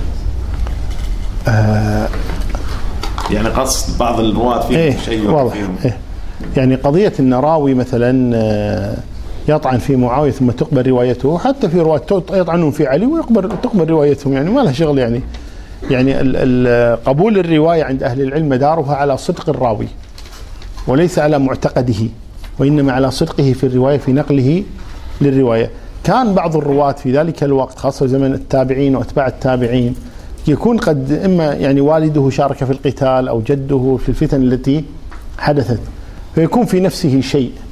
على بعض اصحاب النبي صلى الله عليه وسلم على على عم على يعني ابو بكر وعمر تقريبا نادر هذا اللي يكون في نفس الشيء ولكن على الذين توقعت الفتنه في الجمل في صفين فيكون شايل على معاويه او شايل على علي او شايل على الزبير او شايل على طلحه او شايل على عمرو بن العاص فقد تخرج منه كلمات طعن في علي او طعن في معاويه هذه لا تكفر هذه هذا هذه معصيه لكن لا تؤثر في صحه روايته ان كان صادقا الرواية صادق الحديث يقبلون روايته هذه لا فرق فيها بين معاوية وبين علي وغيره من أصحاب النبي صلى الله عليه وسلم نعم نعم ما السؤال يقول ما نبي في سؤال عن الشيعة ما أدري ما هو ما هو موضوعنا نعم. يعني يقول أنك شيخ تقول يعني الظاهر اسمعوا كلامك في أحد المحاضرات انك تقول لا تدعو على معممي معممي الشيعه الذين يسبون الصحابه والرسول بل ادعو لهم وكلمهم باللين ما ادري اذا تحب تجاوب شيخ باختصار يعني لا انا ما اقول هذا يعني بالنسبه لعامه الشيعه عامه الشيعه انا اقول يدعون يبين لهم آه، يناصحون يذكرون بالله تبارك لان بعضهم يعني قد يكون فيه دين ويظن ان الذي عليه هو الحق ويظن أنه ينتصر لدين الله تبارك وتعالى فهذا يبين له أن هذا خطأ وأن هذا ما يجوز كذا لكن المعممين لا بالعكس المعممين يعني خاصة ما أقصد المعممين كل من لبس العمامة لا أقصد المعممين هم القادة الكبار الذين يقولونهم لا هؤلاء على ضلال عظيم ولا يجب التحذير منهم ولا يعني يناصحون ولا هذا بل يحذر منهم هؤلاء نعم في إعلان يقول الأخ تم افتتاح صفحة الدفاع عن خال المؤمنين معاوية رضي الله عنه على الفيسبوك اللي يستخدم الفيسبوك آه، نحث الأخوة يقول على المشاركة في تفعيل هذه الصفحة بالكتابة ووضع المقاطع الصوتية والمرئية التي تخدم الموضوع عدل ماشي آه، في له نك نيم أو مثل ما هو مكتوب الدفاع عن خال المؤمنين معاوية رضي الله عنه بهذا العنوان ممكن تدخل على الفيسبوك وتشارك ولك الأجر إن شاء الله أنا طبعا الأسئلة الباقية هي عن مشاكل الشباب آه، أغلبها جاوبناها يعني هم يعاندون هم لما نناقشهم يرجعون لشيخهم وينقلبون مرة ثانية هذه أظن تطرقت لها شيخ ولا نسبق الأحداث مثل ما ذكرت شيخنا وننتظر يعني ونصبر عليهم يمكن لعل الله سبحانه وتعالى يهديهم ويرجعون إلى الصواب آه، نحدد الآن أه يعني كل واحد يبي يعقب نعطيه دقيقتين على اساس الوقت يعني صار الان ساعتين دقيقة. الله دقيقتين دقيقتين آه نبدا بالدكتور آه عبد الله ابو انس لا لا دقيقتين ما في على اساس بس الوقت لان الانسان الناس تعبوا يعني يكفي ان شاء الله الحمد لله رب العالمين والصلاة والسلام على رسول الله صلى الله عليه وسلم شيخنا الفاضل بارك الله فيك طبعا احنا اللي نحس في انفسنا الان بعض شبابنا يعني وفي النهاية أطلب من الشيخ توجيه نصيحة خاصة للشباب الآن أظن والله أعلم أن السبب الذي وقع فيه هؤلاء الشباب يقول الشيخ السعدي عليه رحمة الله إن الشيطان يفتن الإنسان من خلال فتنة الشبهات المعارضة للعقيدة وفتنة الشهوات المعارضة للإرادة فعلاج فتنة الشبهات العلم وعلاج فتنة الشهوات التقوى فوالله أعلم يعني السبب أن هؤلاء الشباب ألقيت عليهم شبهات ولأنهم لم يكونوا مسلحين بالعلم فلم يستطيعوا أن يفندوا أو يدحضوا هذه الشبهات نرجو من الشيخ يعني لو سمع شاب شاب أو غير شاب هذه الشبهات ماذا عليه أولا هل هناك خطوات يتبعها؟ هذا السؤال. أه الشيخ تفضل وقال ان القضيه ليتها وقفت عند او تقف عند معاويه. بل القضيه تتعدى الى ان يصل الى الحق سبحانه وتعالى. البربهاري صاحب الكتاب شيخ السنة الكتاب السنة السنة يذكر قصة يقول إن أحد الخلفاء سمع عن رجلين ينالان من أبي بكر وعمر فدعاهما قال أريد أن أسألكما لماذا تتكلمان عن أبي بكر وعمر إن لم تفصحا عما تقولان أقتلكما فقال الأول لا أقول فقتله وقال الثاني ألحقك بأخيك فقال أنا في أمان قال أنت في أمان قال نحن أردنا محمدا ولكننا نعلم أن الناس لا يتبعوننا في محمد فتكلمنا عن عن أصحابه نعم. الله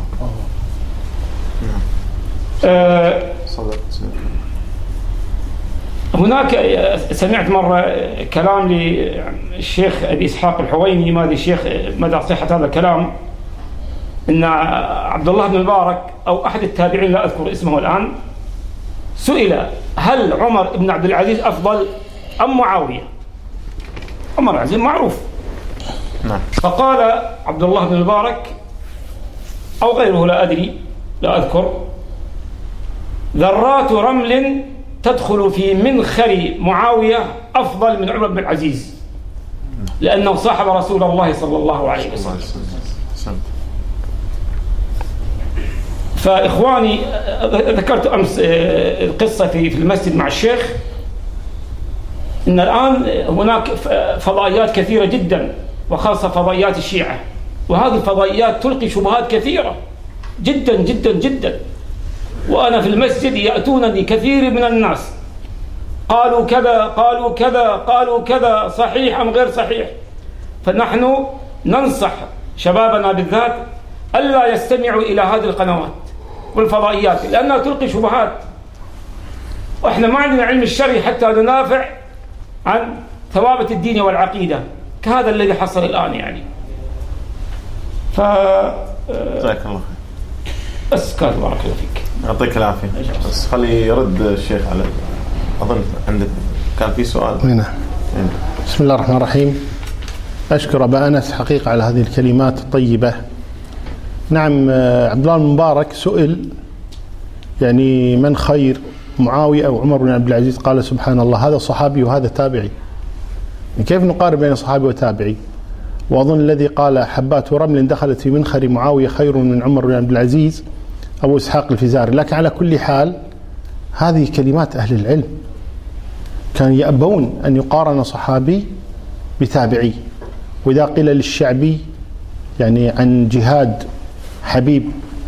آه، فقال قال لو رأيتم معاوية حبيب بن مسلمة لما ذكروا جهاده قال لو رأيتم معاوية قالوا في عدله قالوا في حلمه قال بل في عدله في عدله معاوية رضي الله أحبه الناس جميعا في زمنه رضي الله عنه ونتمنى أن الإنسان يقرأ سيرة معاوية وكيف كان يحبه الناس وكيف كان يحبه أصحاب النبي صلى الله عليه وسلم لا كما يدعي البعض آه، الأمر الثاني بالنسبة للشبهات التي تلقى على الشباب وغيرهم أنا أتمنى أن الإنسان أولا لا يتساهل في سماع الشبهات قد تدخل الشبهة ولا تخرج ولذلك لا ينبغي الإنسان يتساهل في سماعها ولكن أهم شيء إذا سمعت الشبهة بادر بالسؤال عن إجابتها يعني اذهب إلى من تثق بعلمه ورعه ودينه حتى يعني يزيل عنك هذه الشبهة نعم دقيقتين التزم والتزم بالوقت ان شاء الله بسم الله الرحمن الرحيم انا عندي رسالتين ذاك اليوم كنت قاعد اسمع آه، رسالتان رسالتان صحيح الدكتور ترى محسوب الوقت آه، محسوب الوقت آه، كنت اسمع تفسير القران حق الدكتور النابلسي عن اسم الله الحق فقال مقولة عجيبة قال إذا كنت إذا كنت على الحق فإن الله يؤلف قلب أعدائك عليك وإذا كنت على الباطل فإن الله يؤلف قلب أهلك عليك فراجع نفسك هذه الرسالة حطوها ببالكم هذه الرسالة الأولى أما الرسالة الثانية هي لل آه، يعني لل آباء الذين ابتلوا يعني بأحد أبنائهم أنهم يكونون آه، أو يحملون هذا الفكر أقول يعني هذا حتى كلام أحد الصالحين آه، أذكره هموم الأبناء تقربكم من الله وتزيد من درجاتكم عنده وعسى أن تكرهوا شيئا وهو خير لكم دموعكم غالية عند الله فسخروها بالدعاء لهم ولتعلموا إن مع العسر يسر جزاك الله خير بارك الله فيك أحسن بارك الله فيك في أحد عنده تعقيب؟ بسم الله الرحمن الرحيم الحمد لله رب العالمين والصلاه والسلام على اشرف الانبياء والمرسلين محمد بن الله وعلى اله وصحبه وسلم اجمعين. آه، قضيه مهمه من خلال آه، الواقع اللي مع الشباب رايناهم يعني يبنون الحقائق التاريخيه لتاريخ صحابه النبي صلى الله عليه وسلم من آه، الروايات المكذوبه والمطعونه والموضوعه بل وحتى من الكتب الفكريه كعلي الوردي حتى بعضهم سمعته قال اني فهمت ما حدث في تلك الاونه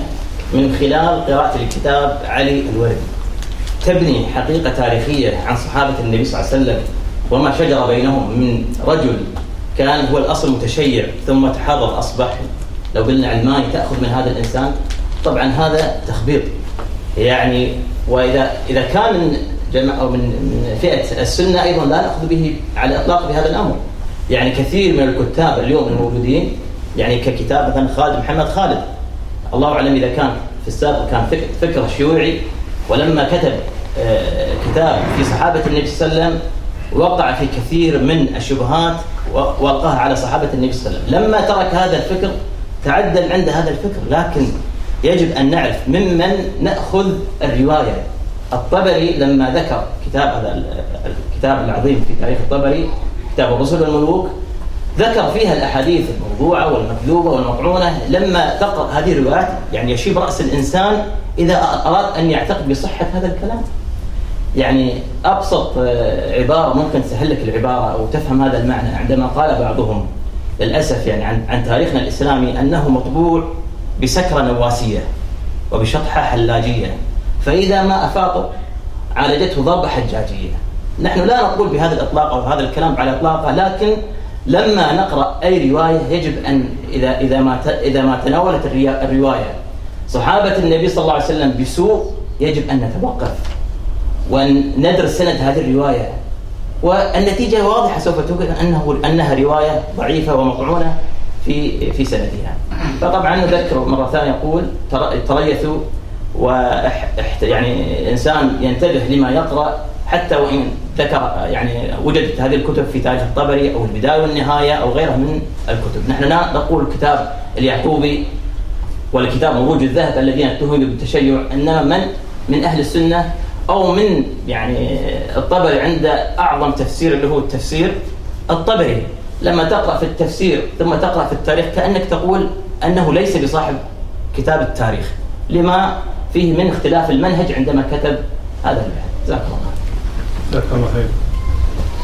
في احد عنده تعليق؟ وصل الميكروفون دقيقتين ان شاء الله بسم الله الرحمن الرحيم اولا نشكر فضيلة الشيخ على ما تكلم فيه ثانيا عندي تعليق بسيط بالنسبة للأمر القراءة يعني كما يقول عدنان إبراهيم وكثير من المشايخ اقرأ اقرأ اقرأ وكما يقول أحد الذين يحللون ما حرم الله أنا أخذ فتواي بنفسي أنا أقرأ شيء جميل انك تقرا ولكن اذا يعني ادى القراءه الى تحليل ما حرم الله ارجع او قبل ما تتخذ اي قرار ارجع لاهل العلم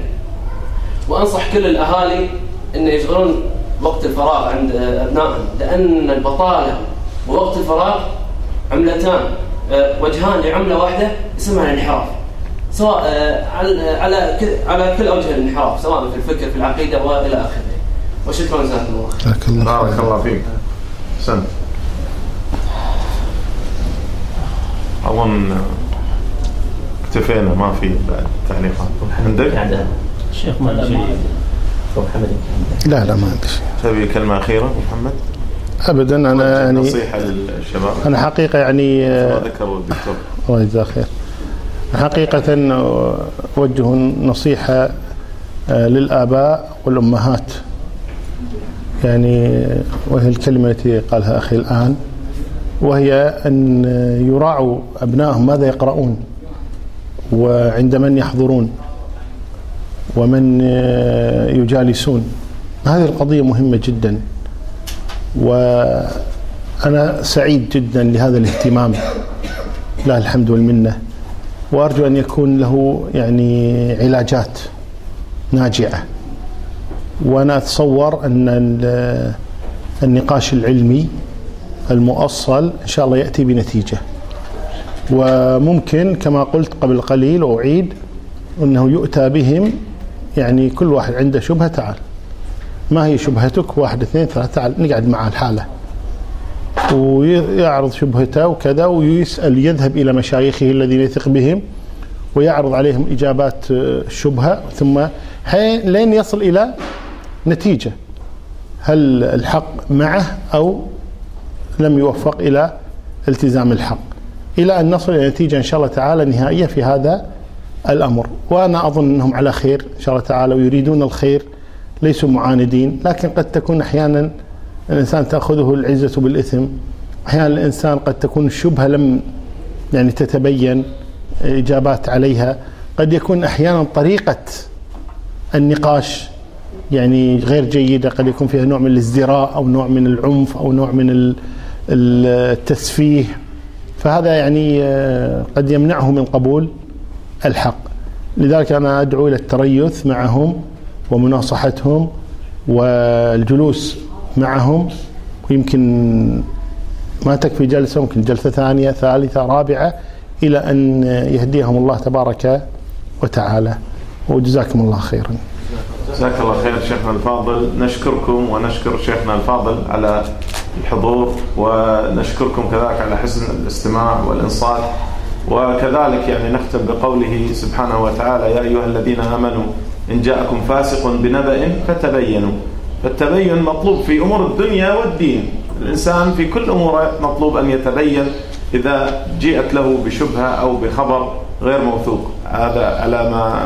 ذكر الدكتور عبد الله قال الفضائيات والاسئله والشبهات كثيره فالانسان لابد كما ذكر الاخوان وذكر شيخنا الفاضل لابد ان يرجع الى من يثق فيه من اهل العلم والى الثقات والى العلماء لكي يفندوا له هذه الشبهات نسال الله سبحانه وتعالى ان يعصمنا من الشبهات ومن الفتن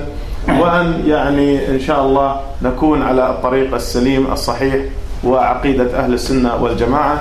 وفي الختام نقول سبحانك اللهم وبحمدك نشهد أن لا إله إلا أنت نستغفرك ونتوب إليك والسلام عليكم ورحمة الله وبركاته الله يجزاك خير الله يجزاك خير